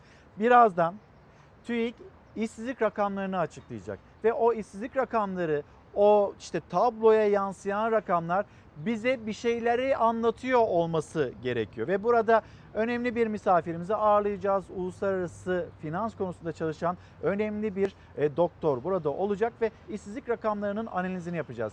Genç işsizler ya da bu mesele nasıl çözülür, çözümlenir bunun değerlendirmesini birlikte yapacağız. Diyor ki Arzu Çerkezoğlu, Türkiye büyük istihdam kaybı ve işsizlik dalgasıyla karşı karşıya. Üye işçilerimizin %36 gelir kaybı yaşadı dedi ve araştırma sonuçlarını şöyle açıkladı. Üye işçilerimizin %25'ten fazlasının borçları katlanarak arttı. Disk üyesinin %19.4'ü kredi kartının ancak alt limitini ödeyebildi. Çalışanların %16.5'i kredi kartı borcunun asgarisini bile ödeyemedi. İşçinin %63'ü geliri kesilirse en fazla bir ay geçinebileceğini beyan etti. İşçinin büyük bölümü ücret, fazla çalışma ve sosyal haktan mahrum kaldı. İşçinin %27'si işkur, %24'ü kısa çalışma ödeneğiyle geçindi. İşçiler bu durumdayken bir de işçilerin Neyine bakılıyor? Kıdem tazminatı. İşte o yıllar içinde edinmiş oldukları haklar bu hakların bir fonda biriktirilmesi bu konuyla ilgili bir tartışma devam ediyor. Deniliyor ki sonra hani böyle işçi sesini yükselttin diye işveren de ya biz istemiyoruz denildiğinde taraflar anlaşsın gelsin deniliyor. Zaten taraflar istemiyor. Yani neden tarafların bu konuda anlaşması isteniliyor? Bunu da kimse anlayabilmiş değil ama ne zaman bir çalışma bakanı ya da her çalışma bakanının gündeminde olan bir düzenleme gözler hemen işçinin emeğine dikkatli bir şekilde çevrilmiş oluyor. Burada bir fon oluşturabilir miyiz? O fonu şöyle kullanırsak böyle, böyle kullanırsak şöyle. Bizim fon karnemiz iyi değil. İşsizlik fonu var mesela.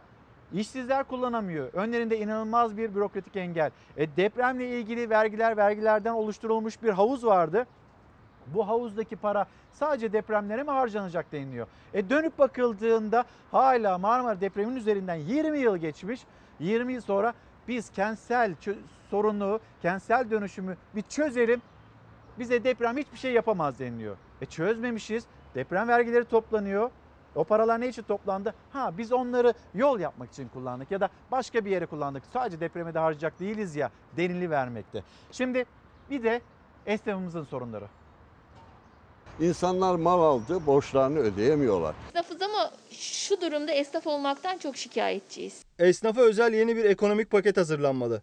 Vadeleri, gelen ve geçmiş olan kredi ödemeleri de ertelenerek 2021'den itibaren taksitle ödeme imkanı getirilmeli. Ödenmeyen çek, senet ve kira borçları için yeni bir kredi paketi hazırlanmalı. Önümüzdeki yıla teyir edilse, bir, bir önümüzü görebilsek. Pandemi süresinde iş yapamadı çoğu esnaf. Yeni normalde satışları salgın öncesine göre düşük kaldı. Artan maliyetler de eklenince işin içinden çıkılmaz bir hal aldı. Türkiye Esnaf ve Sanatkarları Konfederasyonu esnaf için yeni bir ekonomik destek paketi istedi. Satıcılara yapılacak ödemeler, çekler, senetler, vergi ve prim borçları, birikmiş kira borçları derken kredi ödemeleri de başlıyor. Esnaf %30 kapasiteyle çalışırken bu borçları ödeyemez. Esnafın ayakta kalması. Eğer e, siz esnafın her kapanan kepenkte en az bir aileyi bir kere 5 kişilik bir nüfus olarak hesap ettiğiniz zaman yakınlarıyla birlikte çal 10 kişi aç kalacak. Mart ayında Türkiye'de koronavirüs salgınının yayılmasıyla bazı iş yerleri kapatıldı. Esnafın dükkanı haftalarca kapalı kaldı. Bazıları ise kepenk açtı ama çoğu gün siftah bile yapamadı. O dönemde esnaf ayakta durabilmek için kredi aldı. Şimdi onu geri ödeme zamanı geldi. Satışları %30'lara düşen esnaf o borcu nasıl ödeyeceğini düşünmeye başladı. Bir önümüzü görelim. Kapalı dükkanla şimdi açılan müesseseler İnsanlar gidip restoranda, lokantada, kahvehanede veya pastanede ilişkilerini o kadar sınırlı tutuyorlar ki. Yani 10 e, masalık yerde 2 masa yok. Temmuz ayından itibaren yıl sonuna kadar ödenmesi gereken vergi ve primler 2021 yılından başlamak üzere taksitle ödenecek şekilde ertelenmeli. Türkiye Esnaf ve Sanatkarları Konfederasyonu Genel Başkanı Bendevi Palandöken hükümetten yeni bir ekonomi destek paketi istiyoruz dedi. Esnafın vergi, prim borcu ve kredi ödemelerinin ertelenmesini istedi. Vermiş olduğu kredileri bir yıl dondursa biz 3 ay diyoruz 3 ay sonra tekrar aynı şeyleri söyleyeceğiz. Birikmiş vergi ve prim borçlarının 60 ay vadeyle faizsiz olarak yeniden yapılandırılması gerekiyor. TES Genel Başkanı Palandöken borcunu ödeyemeyen esnaf için bir de sicil affı çıkarılsın çağrısı yaptı. Pandemi döneminde borcu olmayan esnaf kalmadı. Dolayısıyla esnafın neredeyse tamamına yakını kara listede. Bu nedenle acilen bankalarca uygulanması zorunlu olan bir sicil düzenlemesi yapılmalıdır. Esnaf eski günlerine geri döndü. Öyle evet. mi zannediliyor? E, vallahi yani bu herkes biliyor ki eski günlerine dönülmedi. Bu böyle kısa dönem içerisinde de dönülmez. Efendim şimdi reklama gideceğiz ve çok hızlı bir şekilde döneceğiz ama iki cümle söylememe müsaade edin lütfen. Bir, gazetecilik suç değildir. İki, doğum günün kutlu olsun Barış Pehlivan.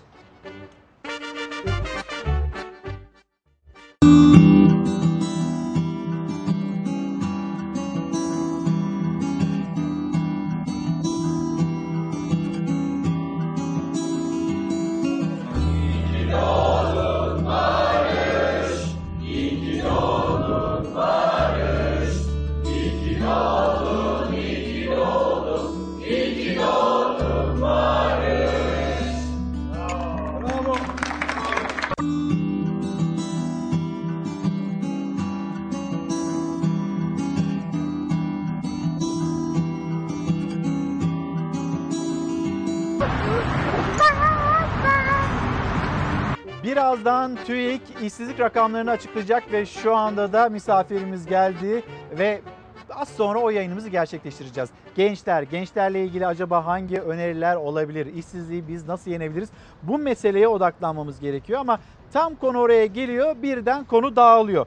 Diyor ki Serap Hanım da esnafa, kobilere kredi sadece devletin kendi tanıdıklarına çıktı. Devletin değil de galiba iktidara yakın kişilere çıktı demek istemekte. Şimdi Perihan Hanım da Twitter'dan yazmış göndermiş.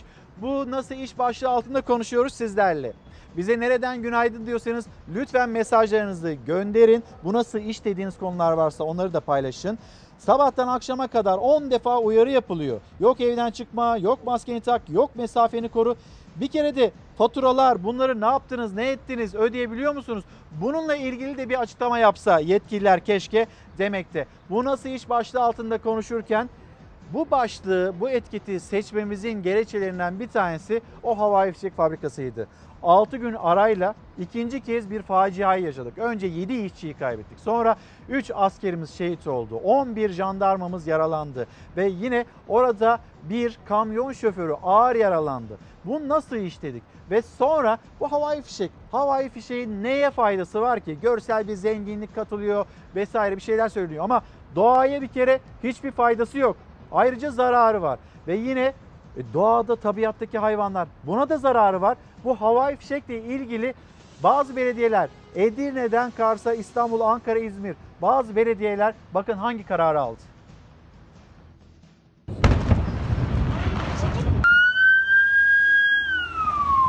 Geçtiğimiz hafta 7 kişinin hayatını kaybettiği havai fişek fabrikasındaki patlamanın ardından dün de 3 askerimiz şehit oldu. Son günlerde yaşananların üstüne CHP'li belediyelerden havai fişek kararı geldi. Birçok CHP'li belediye bundan sonra yapacakları hiçbir etkinlikte havai fişek kullanmayacaklarını duyurdu. Havai fişek kullanmama kararı aldıklarını ilk olarak Edirne Belediye Başkanı Recep Gürkan duyurdu ve tüm belediyelere bu yönde karar alma konusunda çağrıda bulundu. Ardından İzmir Büyükşehir Belediye Başkanı Tunç Soyer 5 dakikalık gösterinin bize vereceği keyif yüzünden canlıların ölmesine, doğanın kirlenmesine müsaade etmeyeceğiz dedi. Bu açıklamalardan sonra CHP'li belediye başkanlarından ardı ardına açıklamalar geldi. İstanbul Büyükşehir Belediyesi de etkinliklerde havai fişek kullanmama kararı aldı. Rize Fındıklı, Datça, Samsun, Atakum, İstanbul Bakırköy, Beylikdüzü, Sarıyer, Maltepe, Küçükçekmece, Adalar, Kadıköy, Ataşehir, Çankaya ve daha birçok belediye başkanı yaptıkları açıklamalarla havai fişek kullanmayacaklarını ilan etti. CHP'li belediyelerin aldıkları bu karardan sonra HDP'li Kars Belediye Başkanı Ayhan Bilgen de sosyal medya hesabından kullanmadık, kullanmayacağız dedi. Ayhan Bilgen sosyal medya üzerinden yaptığı açıklamada bizim zevkimiz için hiçbir canlının ölümüne izin veremezdik diye konuştu. Ferhan Bey, Ferhan Demir diyor ki Japonya ile Çin arasını boz Japonya'ya 105 tane F-35 sat. Kuzey ve Güney Kore'nin arasını boz. Güney Kore'ye 100 milyarlarca dolar silah sat. Türkiye ile Yunanistan'ın arasını hep gergin tut. İki ülkeye de milyarlarca dolar silah sat. Silah ticaretinde taktik hiç değişmiyor değil mi? Şimdi silah ticaretinde taktik değişmiyor ama ülkeleri yönetenlerin düşüncesinde, tavrında da bir şeyler değişmiyor. Yani orada bir gerginlik yaratıyorsunuz. Suni bir gerginlik olduğunu bile bile belki de bu alışverişler gerçekleşiyor. Dünyanın farklı bir yere evrilmesi ya da bilincin farklı bir yere evrilmesi sadece refah üzerine ya da huzur üzerine düşünsel bir e, dünya, mecra yaratmak belki de mümkün ama bu olmuyor. Mesela Ferhan Bey bunu söylemiş. Bunun devamını da getirmek mümkün. İşte insanlar, insanların evlerini başına yık. Benim için önemli olan petrol sınırı kim güvenli tutuyor, kim güvensiz tutuyor. Ben bununla ilgilenmem diyen insanlar Ege'de, Akdeniz'de yaşamlarını yitiren insanlarla ilgileniyorlar mı acaba? Acaba ilgilenmiyorlar. İşte Çanakkale Ayvacık'tan o görüntüleri getirdik ekranlarınıza. 27 göçmen Türk Sahil Güvenliği tarafından nasıl kurtarıldılar? Onun görüntülerini getirdik ekranlarınıza. Evet silah ticareti yapan ülkeler bunların hiçbiriyle ilgilenmiyor. Ülkeler birbirleriyle diğer ülkeler birbirleriyle kavga etsinler ben silahımı satayım diye bakmaktalar. Dünyanın ilgilendiği konu Türkiye'ye yansımaları işte Covid-19 salgını. Bununla ilgili denetimler, denetlemeler devam ediyor. Toplu taşıma 1 Haziran tarihi itibariyle %50 kuralından vazgeçilmişti toplu taşımada. Şimdi burada hem direksiyon başındaki şoför ben haklıyım diyor. Hem orada koltuklarda bulunan ya da ayakta da olsa işine gitmeye çalışan insanlar ben de haklıyım diyor. O zaman %50 kuralından vazgeçmeseydiniz. Hem dolmuşlar tıklım tıklım olacak. 12-14 kişinin bulunması gereken dolmuşlardan 40 kişi çıkacak. Hem de toplumun sağlığını düşürün diye romantik cümleler kurulacak. Bu mümkün mü acaba?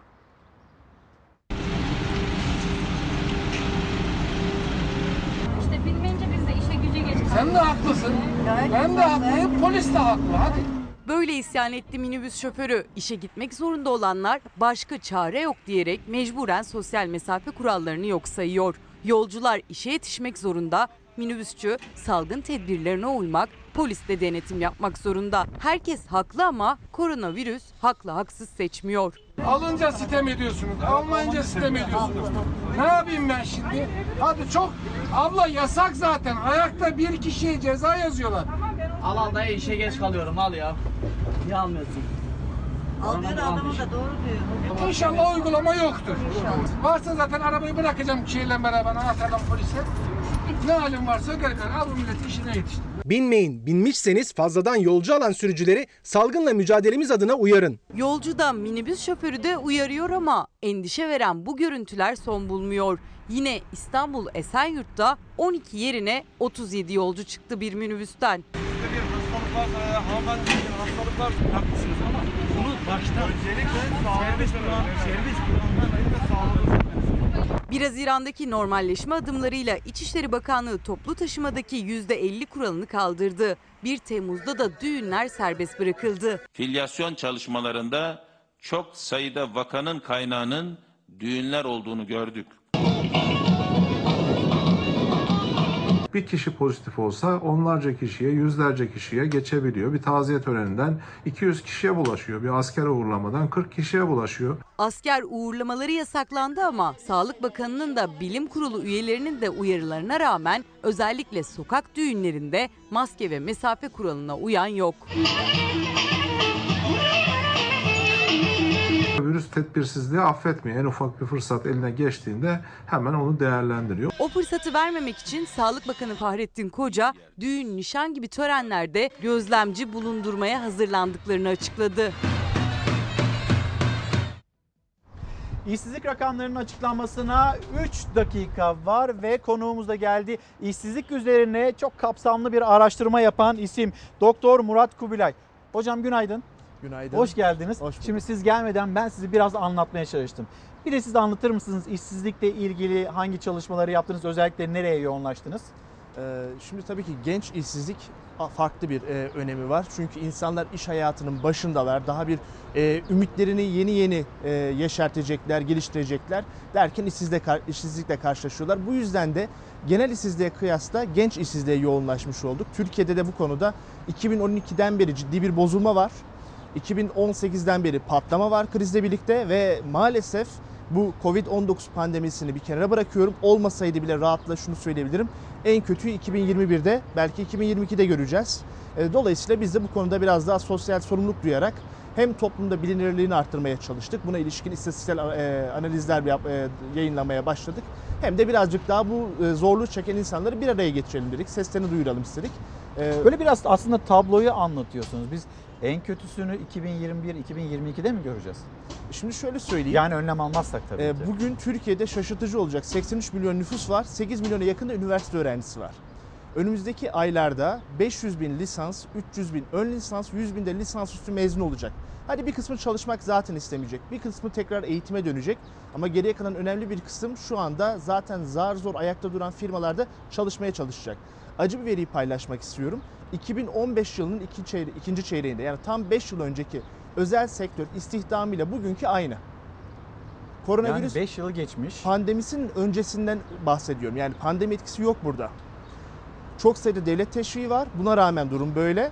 Ee, bu esnada nüfus 5 milyon artmış. Çalışabilir nüfus 4 milyon artmış.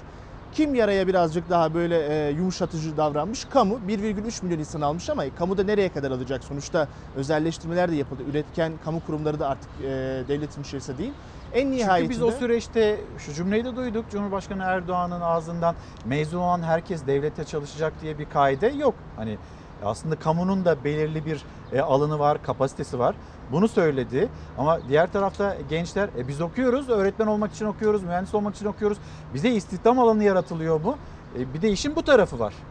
E, bu da şunu gösteriyor bize. Çok ciddi bir insan kaynağı planlamasının yapılmadığını, yüksek öğretimin hatta orta öğretimin özellikle meslek lisesi, imam hatip lisesi, düz lise kısmının programsız ilerlediğini gösteriyor. Geçtiğimiz yıllarda Yüksek Öğretim Kurulu bununla ilgili bir e, açıklama yaptı. Değiştireceğiz dedi de ama değiştirdikten sonra 10 yıl sürüyor sizin bunların sonuçlarını almanız. Yani bugün üniversite öğrencileri e, pardon lise mezunları yeni sınava girdiler. Girecekler, kazanacaklar, bitirecekler iş gücü piyasasına hazırlanacaklar. En az 5 yıl geçecek. Yani nesilleri kaybediyoruz. Ee, yani bunu söylemek istemiyorum. Ümitsiz konuşuyoruz böyle. Amerikalılar e, doktor kıyamet derler. Bu şekilde de konuşmuş olmak istemem. Ama evet yani e, kimse farkında değil. E, şu problemi bugünden itibaren çözmeye çalışsak, bugünden itibaren en doğru şeyleri yapsak iyi ihtimalle hani güzel hatırınız kırılmasın diyeyim 3 yıldan önce sonuç almak çok zor. Şimdi siz işsizlikle 4 artı 4 artı 4'ün bir bağlantısı kurdunuz. Bu arada yönetmenimiz beni uyarıyor. Hüseyin kaç dedin? %12.8 işsizlik rakamları bu şekilde e, açıklandı. Birazdan belki genç işsizlik rakamı onu da e, paylaşma imkanımız olacak. TÜİK açıkladı %12.8 işsizlik rakamı. Hangi aydan söz ediyor TÜİK ve TÜİK'in açıkladığı verilere ne diyorsunuz? Neden yüzünüzde bir tebessüm yerleşti? Geçtiğimiz aya göre iş gücü piyasamızda iyileşme olmuş ama bir önceki düzeltmeyi yapayım. Bu Nisan ayının verisi. Evet. Yalnız 3 aylık ilerliyor bunlar. Yani biz Nisan desek bile aslında o Mart, Nisan, Mayıs'ın ortalaması. Kayarak gidiyor ki böyle çok uçlara bir anda zıplamasın, inmesin diye. Ee, koronavirüs salgının başlamasıyla birlikte görüldüğü üzere ülkemizde işsizlik azalmış. Gülmemin nedeni de bu. Mümkün mü derseniz e, tabii ki değil. Çünkü verinin işlenme şeklinde e, bize uymayan e, standartlar var. Bunlardan ötürü böyle trajikomik rakamlar çıkıyor. E şimdi Mart ayında 11 Mart itibariyle bir problem yaşadık. E sonra Nisan ayına geldik. İşsizliğin yine düştüğünü mü görüyoruz bu rakamlar? Bunu mu söylüyor? Bu nasıl mümkün oluyor? Şimdi e, öncelikle iyi haberi vereyim. Bizim standartlarımız Avrupa Birliği standartlarına uygun. Ama ülkemizin hiçbir durumu, iş gücü piyasası Avrupa'ya uygun değil. Birkaç çarpıcı rakam verirsem sanıyorum herkes ikna olacak. Türkiye'de çalışanların %8,4'ü ücretsiz aile işçisi. Yani maaş almıyorsunuz. Hiçbir sigortanız yok, güvenliğiniz yok. Anne babanızın tarlasında, dükkanında çalışıyorsunuz. %8,4, 2,2 milyon insan. Bunlar çalışıyor gözüküyor. Bırakın işsizliği çalışıyor. Haftada bir saat çalıştınız. Yeterli olabilir mi? Yani haftalık saatlik ücretiniz herhalde 1000 dolar değilse mümkün değil değil mi? Ee, ama çalışıyor gözüküyorsunuz. Örneğin e, Türkiye'ye özel yani Avrupa'da gelişmiş ülkelerde olmayacak bir durum var. E, özellikle genç e, kızlar, ev hanımı, ev kızı, ev genci olarak Evet. niteleniyor. E, doğru tabir ev işleriyle meşguldür. E, 11 milyon. İşsiz 11 sayılmıyor. milyon. Evet. Hiçbiri işsiz sayılmıyor bunların. Sadece bu kadar da değil. E, Kim yolu bil- işsiz hocam? o zaman o değil, o değil. O kaç düşmüş Hüseyin? 0.2 puan düşmüş sizin Evet. yaptığınız hesaba göre. Zaten hani o da Ee, onu söylüyor. e, E, kim işsiz? Şimdi TÜİK'e göre Kimse değil herkes çalışıyor iş zaman. bulmaktan daha zor bir şey var. İşsiz olmak, işsiz sayılmak. TÜİK saymıyor bunları. Çünkü tanım şöyle. Ümidini yitirmemiş olacaksınız. Çalışmak isteyeceksiniz. Son 4 hafta içerisinde çalışma kanallarından en az birine başvuracaksınız. 2 hafta içerisinde çalışmaya hazır olacaksınız. Ücretsiz de olsa, sigortasız da olsa çalışmayı kabul edeceksiniz ve iş bulamayacaksınız. İşte o zaman işsizsiniz. Heh, onu bulmaya çalıştığınızda da Mart ayından Nisan ayına %0.2'lik bir düşüş oluyor. Evet. İşsizlik rakamında. Hem de pandemi döneminde. Ee, ve daha şaşırtıcı olanı da şudur. Ee, pandemi döneminde birkaç önlem alındı. Bu önlemler aslında tam manasıyla bu işsizlik verilerinin e, birazcık makyajlamak üzerineydi. Onu söylemek istiyorum. Ücretsiz izin uygulaması başladı. Yani iyi, iyi bir uygulama. Sigortalılık da aranmıyor. Çünkü Türkiye'de sigortalı istihdam niteliksiz iş kollarında çok düşük. Ee, şöyle bir kural var. İş başında sayılmayan istihdamdakiler çalışıyor sayılıyorlar, işlerinin başına değiller. Eğer işverenle arasındaki sözleşme 3 ay boyunca daha devam ediyorsa ve maaşın en az yarısını alıyorsa çalışıyor gözüküyor. Şimdi biliyorsunuz bir ücretsiz izin e, e, tazminatı veriliyor. Evet. Yaklaşık 1170 Kısa lira. dönem ödeneği. Evet. Yok o başka. Ha, o başka. ayrı. Ee, bu tam asgari ücretin yarısından biraz fazla. Ha, evet, tamam. İki koşul var çünkü. En az 3 ay sürecek bu ve bu 3 ay boyunca işten çıkarılmış olmayacaksınız. Zaten yasak geldi. Artı maaşınızın en az %51'ini alacaksınız.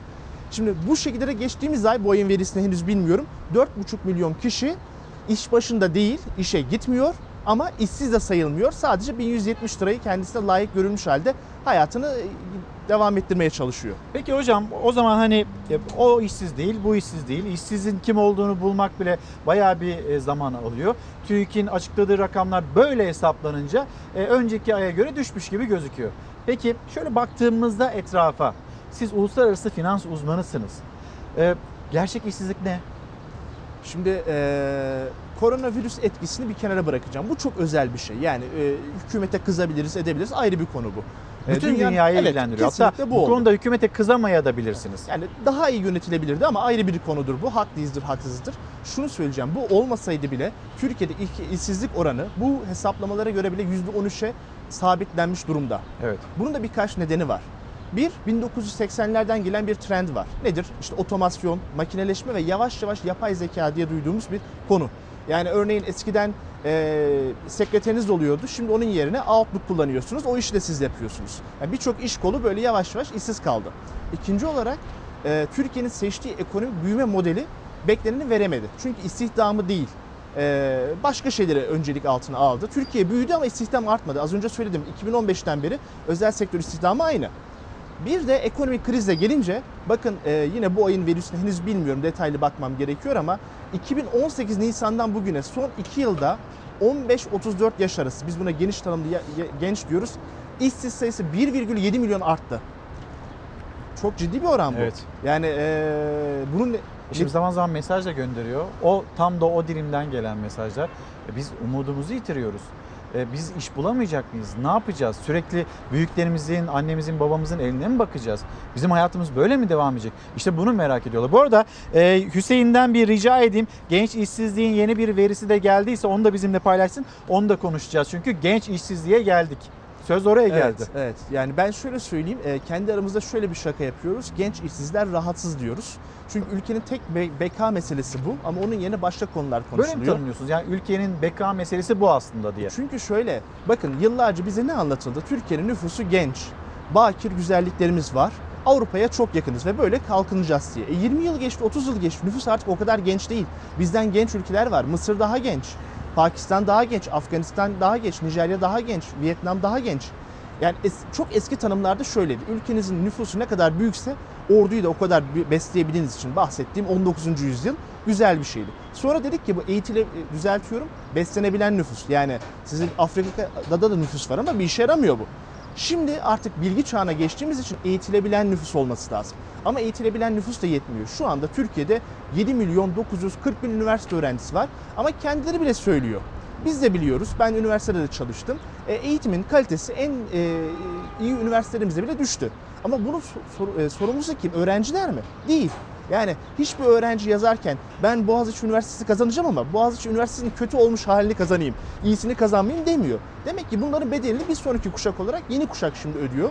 Ee, çok popüler bir terim oldu Z e, jenerasyonu ve benzeri. Evet. Halbuki daha o jenerasyon iş gücü piyasaya girmedi bile. Hani daha oralarda bile değiliz. Ama şunu çok net söyleyebilirim. Ee, ümit kayboluyor, umut kayboluyor. Bir de şimdi çok acı bir şey söyleyeceğim. Bence en can yakıcı bu konu budur. Nedir hocam? KYK borçları. Yani siz işsiz başladığınız zaman hayata sıfırdan başlamıyorsunuz. Eksiden başlıyorsunuz. Bugün 1,5 milyon kadar öğrenci KYK e, kredisi alıyorlar. Şimdi bu nasıl ödeyecekler? Daha çalışma hayatına girmeden borçlular. Borçlanıyorlar. Ayda mesela lisans öğrencisi 550 TL alıyor. Şimdi bu şöyle olacak. Bir, iş bulamıyor. İki, iş bulma süresi çok uzuyor. Bu da var. İşsizlik anlık bir şey değil, bir süreç. Doğru. Üç, enflasyon var. Enflasyonda faizi artıyor. E, dört, hadi iş buldu diyelim. Ücretler çok düşük. Asgari ücret ve etrafındaki ücretleri alıyor. E şimdi hem hayat giderlerini çıkaracak, hem tek gençliğini yaşayacak, hem evlenecek, hem de borç ödeyecek. E bunların hepsinin neticesinde e, bir e-haciz uygulaması başlamış. Bunu tam teyit edemedik ama 280, basında çok yaygın çıktı. 280 bin kadar kişinin öğrenci e-haciz uygulaması yapıldığı söylendi. Bu konuyu da KYK'da biraz örtbas etmeye çalıştı açıkçası. Israrla milletvekilleri soru önergesi verdiler. Cevap vermedi. Biz Hazine ve Maliye Bakanlığı'na ilettik. Onlar ne yapıyorsa yapıyorlar deyip geçiştirmişler. Ama bu yaşta 20-25 yaşında 280 bin kişi e-haciz bu da bir yaklaşık 8-9 ay öncesinin verisi. Hocam şimdi e, geldi verisi 15-24 yaş arası %24.4 buradaki işsizlik oranı. OECD'nin 2019 raporlamasına baktığımızda biz en kötü dördüncü ülkeyiz. Sizin geniş kapsamlı bir çalışmanız var. O e, rapor da şu anda elinde. İş arama süreleri işte 4 aydan kısa. Az önce aslında bunu konuştuk. O kimler işsiz sayılıyor, kimler işsiz sayılmıyor. Şimdi tabloyu anlattık. Biraz da hani moral vermek lazım ya da bir e, bu konu üzerinde çalışıyorsunuz. Önerileriniz ne? Yani nasıl düzelteceğiz buradaki hatayı?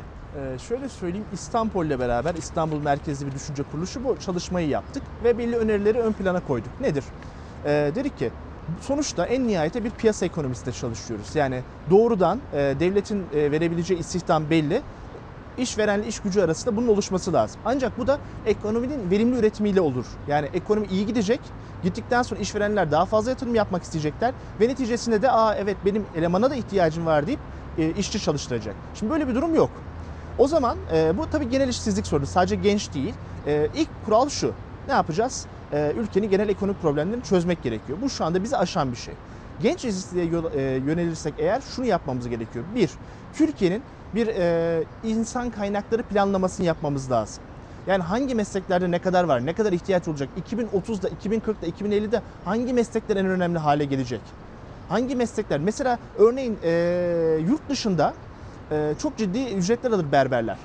Berberler Mesela dediniz. bu tip hizmet sektörleri baktığınız zaman ilk başta El çok işi. ilgi çekmeyen işler. El işi. Makineler bunu hala yapamıyorlar ve uzunca bir sürede yapamayacaklar. Bu tip iş kollarını yönlendirmiyoruz. Halbuki meslek liselerinde bunlar yapılabilir. Boşuna milyonlarca insan üniversitelere götürmek zorunda değiliz. Meslek liseleri en büyük sorunumuzdur. Onu öncelikle söyleyeyim. İkinci olarak e, belki e, muhafazakar e, inançlı, görüşlü insanların hoşuna gitmiyor ama Türkiye'nin bir imam hatip e, öğrencisi mezunu sayısı problemi var.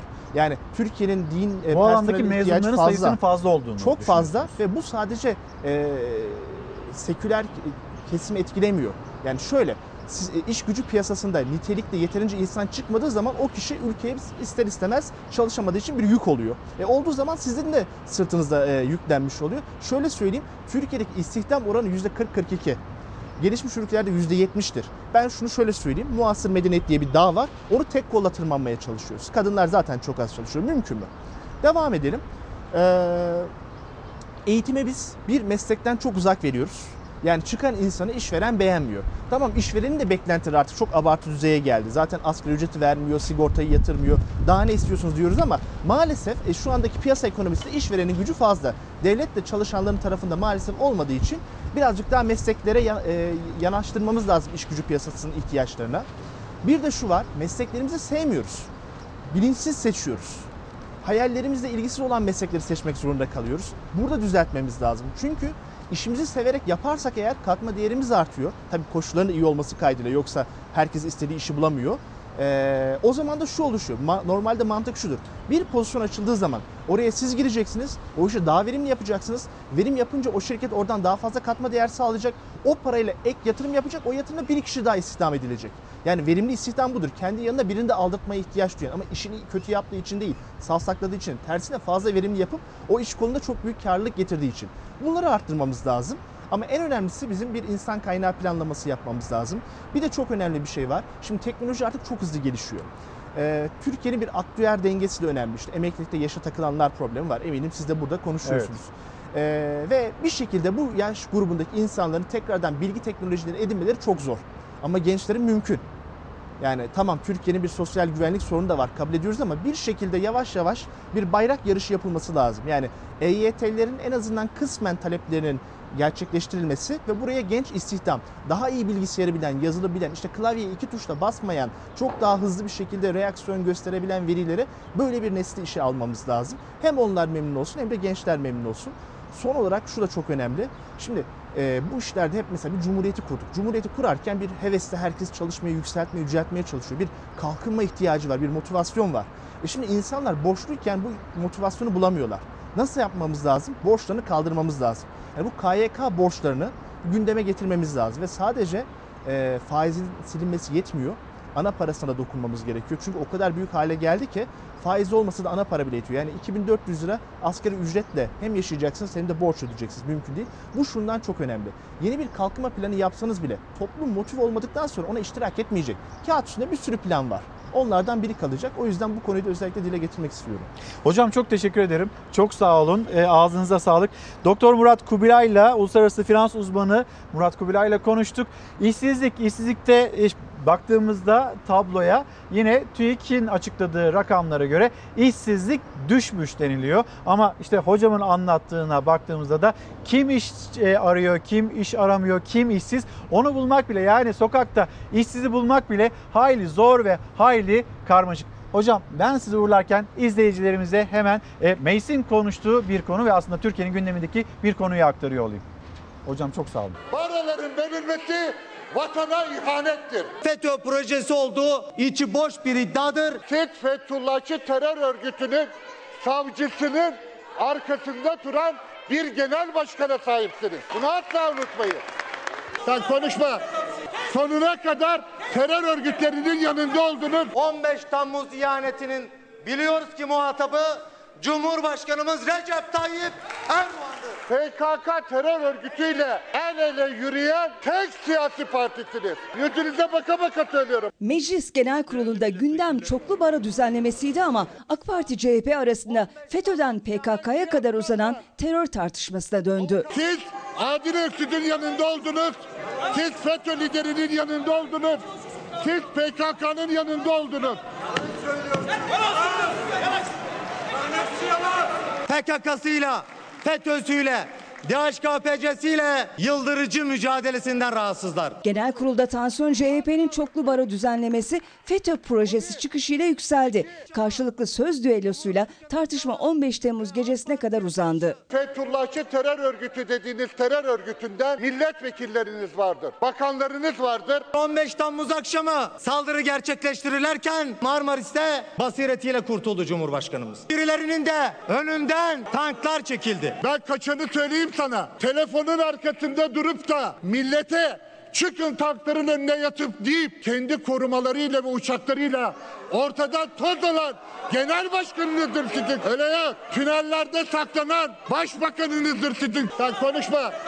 Sonuna kadar terör örgütlerinin yanında oldunuz. Cumhuriyet Halk Partisi eğer FETÖ'nün tevil yollu desteklerini bırakmayacaksa bunun üzerine sonuna kadar gideceğiz. Siz şehitlerin yakınları için toplanan parayı gasp eden siyasi parti misiniz, değil misiniz?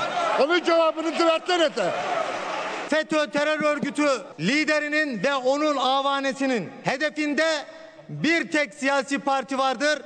AK Parti'dir, Cumhur İttifakı'dır. Siz değil misiniz? Kandırıldık Allah affetsin millet affetsin diyen. Kandırılıyorsunuz. Ya istediğin yere git kandırıl. Sen umurumda değilsin. Memleketi batırıyorsun. Allah Allah. Türkiye İşçi Partisi Genel Başkanı Erkan Baş da kandırılıyorsunuz diyerek hedef aldı iktidarı. Genel kurulda tansiyon oturuma ara verilmesiyle düştü.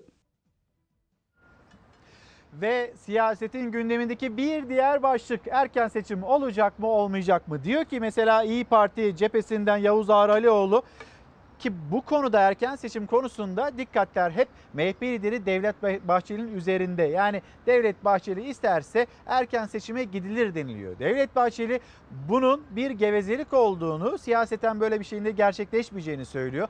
Yavuz Ağralioğlu da diyor ki Devlet Bahçeli o kadar kesin konuşuyor ki geçmiş yıllarda konuştuğu gibi bizim aklımıza bir erken seçimi bu kesin cümleler, ifadeler getiriyor. Bahçeli Erdoğan'dan daha kuvvetli güçlü şu anda. İstese Türkiye erken seçime götürür. Tayyip Erdoğan'ın bunu engelleme gücü yoktur. Gelişen bütün olumsuz e, tabloya MHP ortak olmak istemeyebilir. O nedenle ben artık e, destek vermiyorum parlamentoda diyebilir.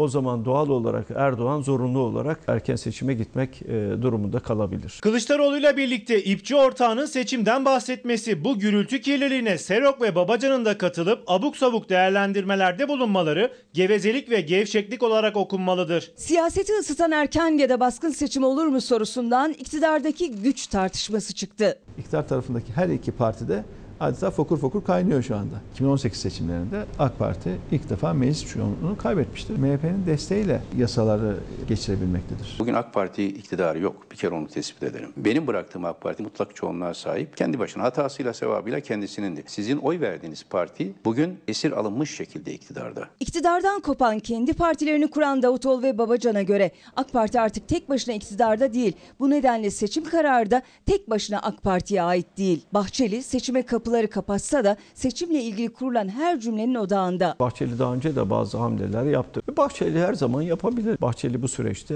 böyle bir karar alabilir. Hükümetten desteğimizi çekmemizi isteyen hamiyet ve haysiyet özürlülerin hangi karanlık çetelerin tekelinde ve tembihiyle siyasete sürüldükleri herkesin malumu. Bahçeli bugün istese Türkiye erken seçime götürür. Bugün istese gider Türkiye erken seçime. Ama Tayyip Erdoğan'ın bunu engelleme gücü yoktur. Yani o gitmek istese Tayyip Erdoğan engelleme gücü yok. Cumhurbaşkanı hükümet sistemini Türk demokrasisine yapılmış bir kurulmuş bir tuzak olarak görüyordum. Hala öyle görüyorum. Koltuk için girmedikleri kılı kalmayan masum siyaset döneklerinin yeni hükümet sistemine yüklenip acaba bize ne düşer pozisyonuna geçmeleri zavallı zelil bir siyasetin çaresizlik beratı. Sayın Devlet Bahçeli geçen seçimlerin ikisinde de asla seçim yoktur tonlamasını o kadar keskin cümlelerle yaptı ki peşinden seçim yaşayınca şimdi Sayın Bahçeli'nin bu konuşmalarının bu kadar katı olmasından dolayı bir tedirginlik yaşıyor olabilir millet. Önümüzdeki seçim Türkiye siyasi tarihinin en önemli ve en muhteşem seçimi olacaktır. Muhalefet artık kendini yakın geleceğin iktidarı olarak görmeli ve bu ciddiyetle çözüm önerilerini ortaklaştırarak halkla doğrudan buluşmalıdır. Seçim sistemi tartışmalarına HDP eski eş başkanı Selahattin Demirtaş da cezaevinden ses verdi. Seçim konusu siyasetin gündeminden düşmüyor. Sevgi Hanım, Neşe Hanım, Yıldız Hanım günaydınlarımızı iletelim. Leyla Hanım aramıza yeni katılan izleyicilerimiz var. Onlara da selamlarımızı iletelim. Arzu Eratak Adana'dan yazıyor. TÜİK'in açıklamış olduğu işsizlik rakamlarıyla ilgili olarak da bu nasıl iş güleriz ağlanacak halimize bu rakamlardan sonra demekte. Mehmet Bey nereye atıf yapıyor? Twitter'dan yazıp göndermiş. Ee, Sağlık Bakanı Fahrettin Koca'nın cümlelerine atıfta bulunuyor. Hani Fahrettin Koca kalabalık yerlerden uzak durun toplu ulaşımda da demekteydi. Diyor ki Mehmet Bey, Sayın Bakan güzel söylüyor da 1 milyonluk ulaşım alternatifi olmayan Esenyurt'ta biz nasıl ulaşacağız sağa sola gitmek istediğimiz yere ya da işlerimize? Bunun da bir formülü var mı? Bu nasıl iş demekte? Yine Sağlık Bakanlığı'ndan arkadaşım, Sağlık Bakanlığı'ndan arkadaşım Gözde Kirişçioğlu ki aynı zamanda Fahrettin Koca'nın müşaviri Oya Hanım sormuştu. Güner abla bizim apartmandan sormuştu. Demiştik ki yani bu 65 yaş onların üzerindeki sıkıntı ya da seyahat kısıtlaması nasıl kalkacak? Gittiğimiz yerde bir ay boyunca kalmak durumunda mıyız? Yoksa böyle benim kızım var dedi mesela Güner abla. 3 günlüğüne İstanbul'a gitmek istiyorum. Gidebiliyor muyum İlker diye sordu. Ben de Gözde'den öğrendim. Gözde teyit etmek için İçişleri Bakanlığı'ndan sordu. Hemen onun bilgisini de aktarmış olayım. Diyor ki Gözde 65 yaş izne tabi. Gidilen yerde bir ay boyunca kalınmak durumunda. Ama sadece şartları var. Hani erken dönülme şartları. Onlarda tatsız e, durumlar ya da sağlıkla ilgili bir mesele olursa, cenaze ile ilgili bir durum olursa ancak böyle durumlarda geri gelinebileceğini söylüyor. Şimdi tedbirler, denetimler derken bir turizm diyelim ve turizmle ilgili havalimanlarında alınan denetimler. Koronavirüs salgını sonrası tüketicilerin talepleri değişti. Öncelik güvenlik ve hijyene verildi. Turizmin ana merkezlerinden biri Antalya'da hazırlıklar yeni normale göre yapıldı. Tatilcilere güvenle gelebilirsiniz çağrısı yaptı turizmci. Koronavirüs salgınının ekonomilere etkisi sürüyor. Salgından en çok etkilenen sektör turizm sektörü oldu. Sektör yılın ilk yarısında yaşanan kan kaybını telafi etmek istiyor. Hazırlıklar tamamlandı. Şimdi yerli yabancı turistler bekleniyor. Antalya'ya hava yoluyla gelecek turistlerin ilk adresi doğal olarak havalimanı olacak. Tedbirler de önce oradan başlıyor. Hijyen ve temizlik kuralları başta olmak üzere bir dizi önlem alındı havalimanında. Hem uçaklarda hem peronlarda hem yolcu bekleme salonlarında. Yolcuların ulaştığı personelin çalıştığı her yerde. Antalyalı turizmciler ve sanayiciler Antalya Havalimanı'nın dünyanın en hijyenik ve en güvenilir havalimanlarından biri olduğunu söyledi. Antalya'daki otellerin ise güvenli turizm sertifikasıyla pandemi süreciyle ilgili her türlü önlemi aldığını belirtti. Ve bir adalet arayışı.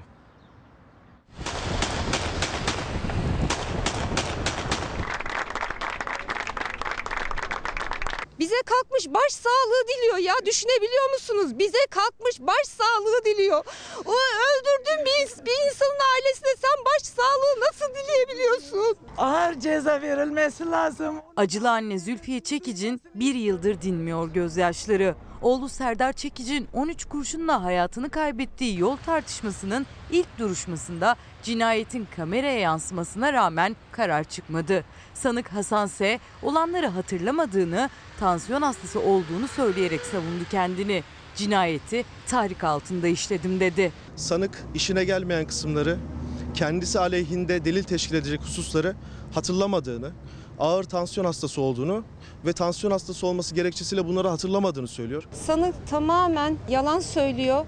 Kardeşimin onu darp ettiğini söylüyor. Kesinlikle böyle bir şey yok. 3 Temmuz 2019'da İstanbul Tem otoyolunda Serdar Çekiç, ablası Aslı Akyar'ın gözleri önünde öldürüldü. Ölümle sonuçlanan o yol tartışmasının görüntüsü mahkeme dosyasına en önemli delil olarak girmişti. Ancak sanığın avukatı ilk duruşmada o anları ilk kez gördüğünü savundu. Sanık savunma tarafının bundan haberi bile yoktu. Ee, dün e, ulusal kanallarda bu görüntülere şahit olduklarını söylediler Ee, ve bu görüntülerin tekrardan irdelenmesini istediler. Bunlar e, bu süreci uzatmaya yönelik hareketler. Kardeşine gözleri önünde 13 kurşun yağdırılan abla Aslı Akyarsa bir yıl sonra ilk kez duydu o trafik magandasının sesini. Çekiç ailesi sanığın en ağır cezayı almasını istiyor. Bir sonraki duruşma 15 Eylül'de. Acılı ailenin adalet bekleyişi sürüyor. Kardeşimi öldüren bir insanın sesini duymak bile çok acıydı. Çok kötüydü. Ama buna mecburum. Adalet yerini bulması için elimden ne geliyorsa yapacağım. Her şeye katlanacağım. Efendim belki şarkının sözleri öyle ama böyle de devam etmesin. Mesela işsizlikte, enflasyonda, ekonomide hatta adalette böyle gelmişse bile böyle gitmesin.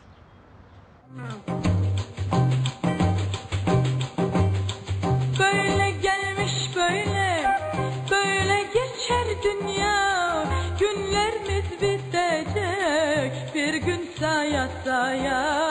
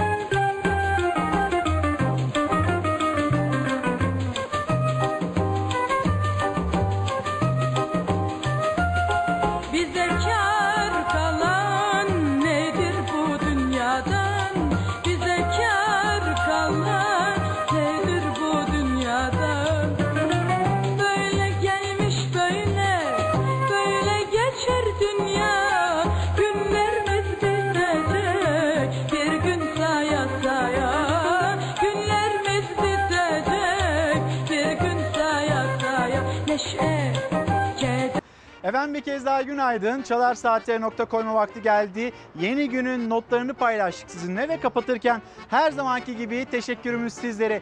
Bizi izlediğiniz için çok ama çok teşekkür ederiz. Bu arada ben böyle iki haftalık küçücük bir mola alacağım. Sizlerden bir mola rica edeceğiz. Hafta e, içinde sizlere saatler 8'i gösterdiğinde günaydın diyecek olan arkadaşımız sevgili Ezgi Gözeger Özmemiş olacak ve bildiğiniz üzere hafta sonları da Mina Merve Yıldırım size Türkiye'nin, dünyanın gündemini aktarıyor olacak Fox ekranlarından. Ve kapatırken Tekrar ama tekrar söylemek istiyoruz. Dün de güzel izlenmişiz. Hafta boyunca da e, oldukça güzel izlenme oranlarına sahip olduk. Bizi izlediğiniz için çok teşekkür ederiz. Güzel bir gün olsun. Güzel bir hafta sonu olsun şimdiden. Hoşçakalın.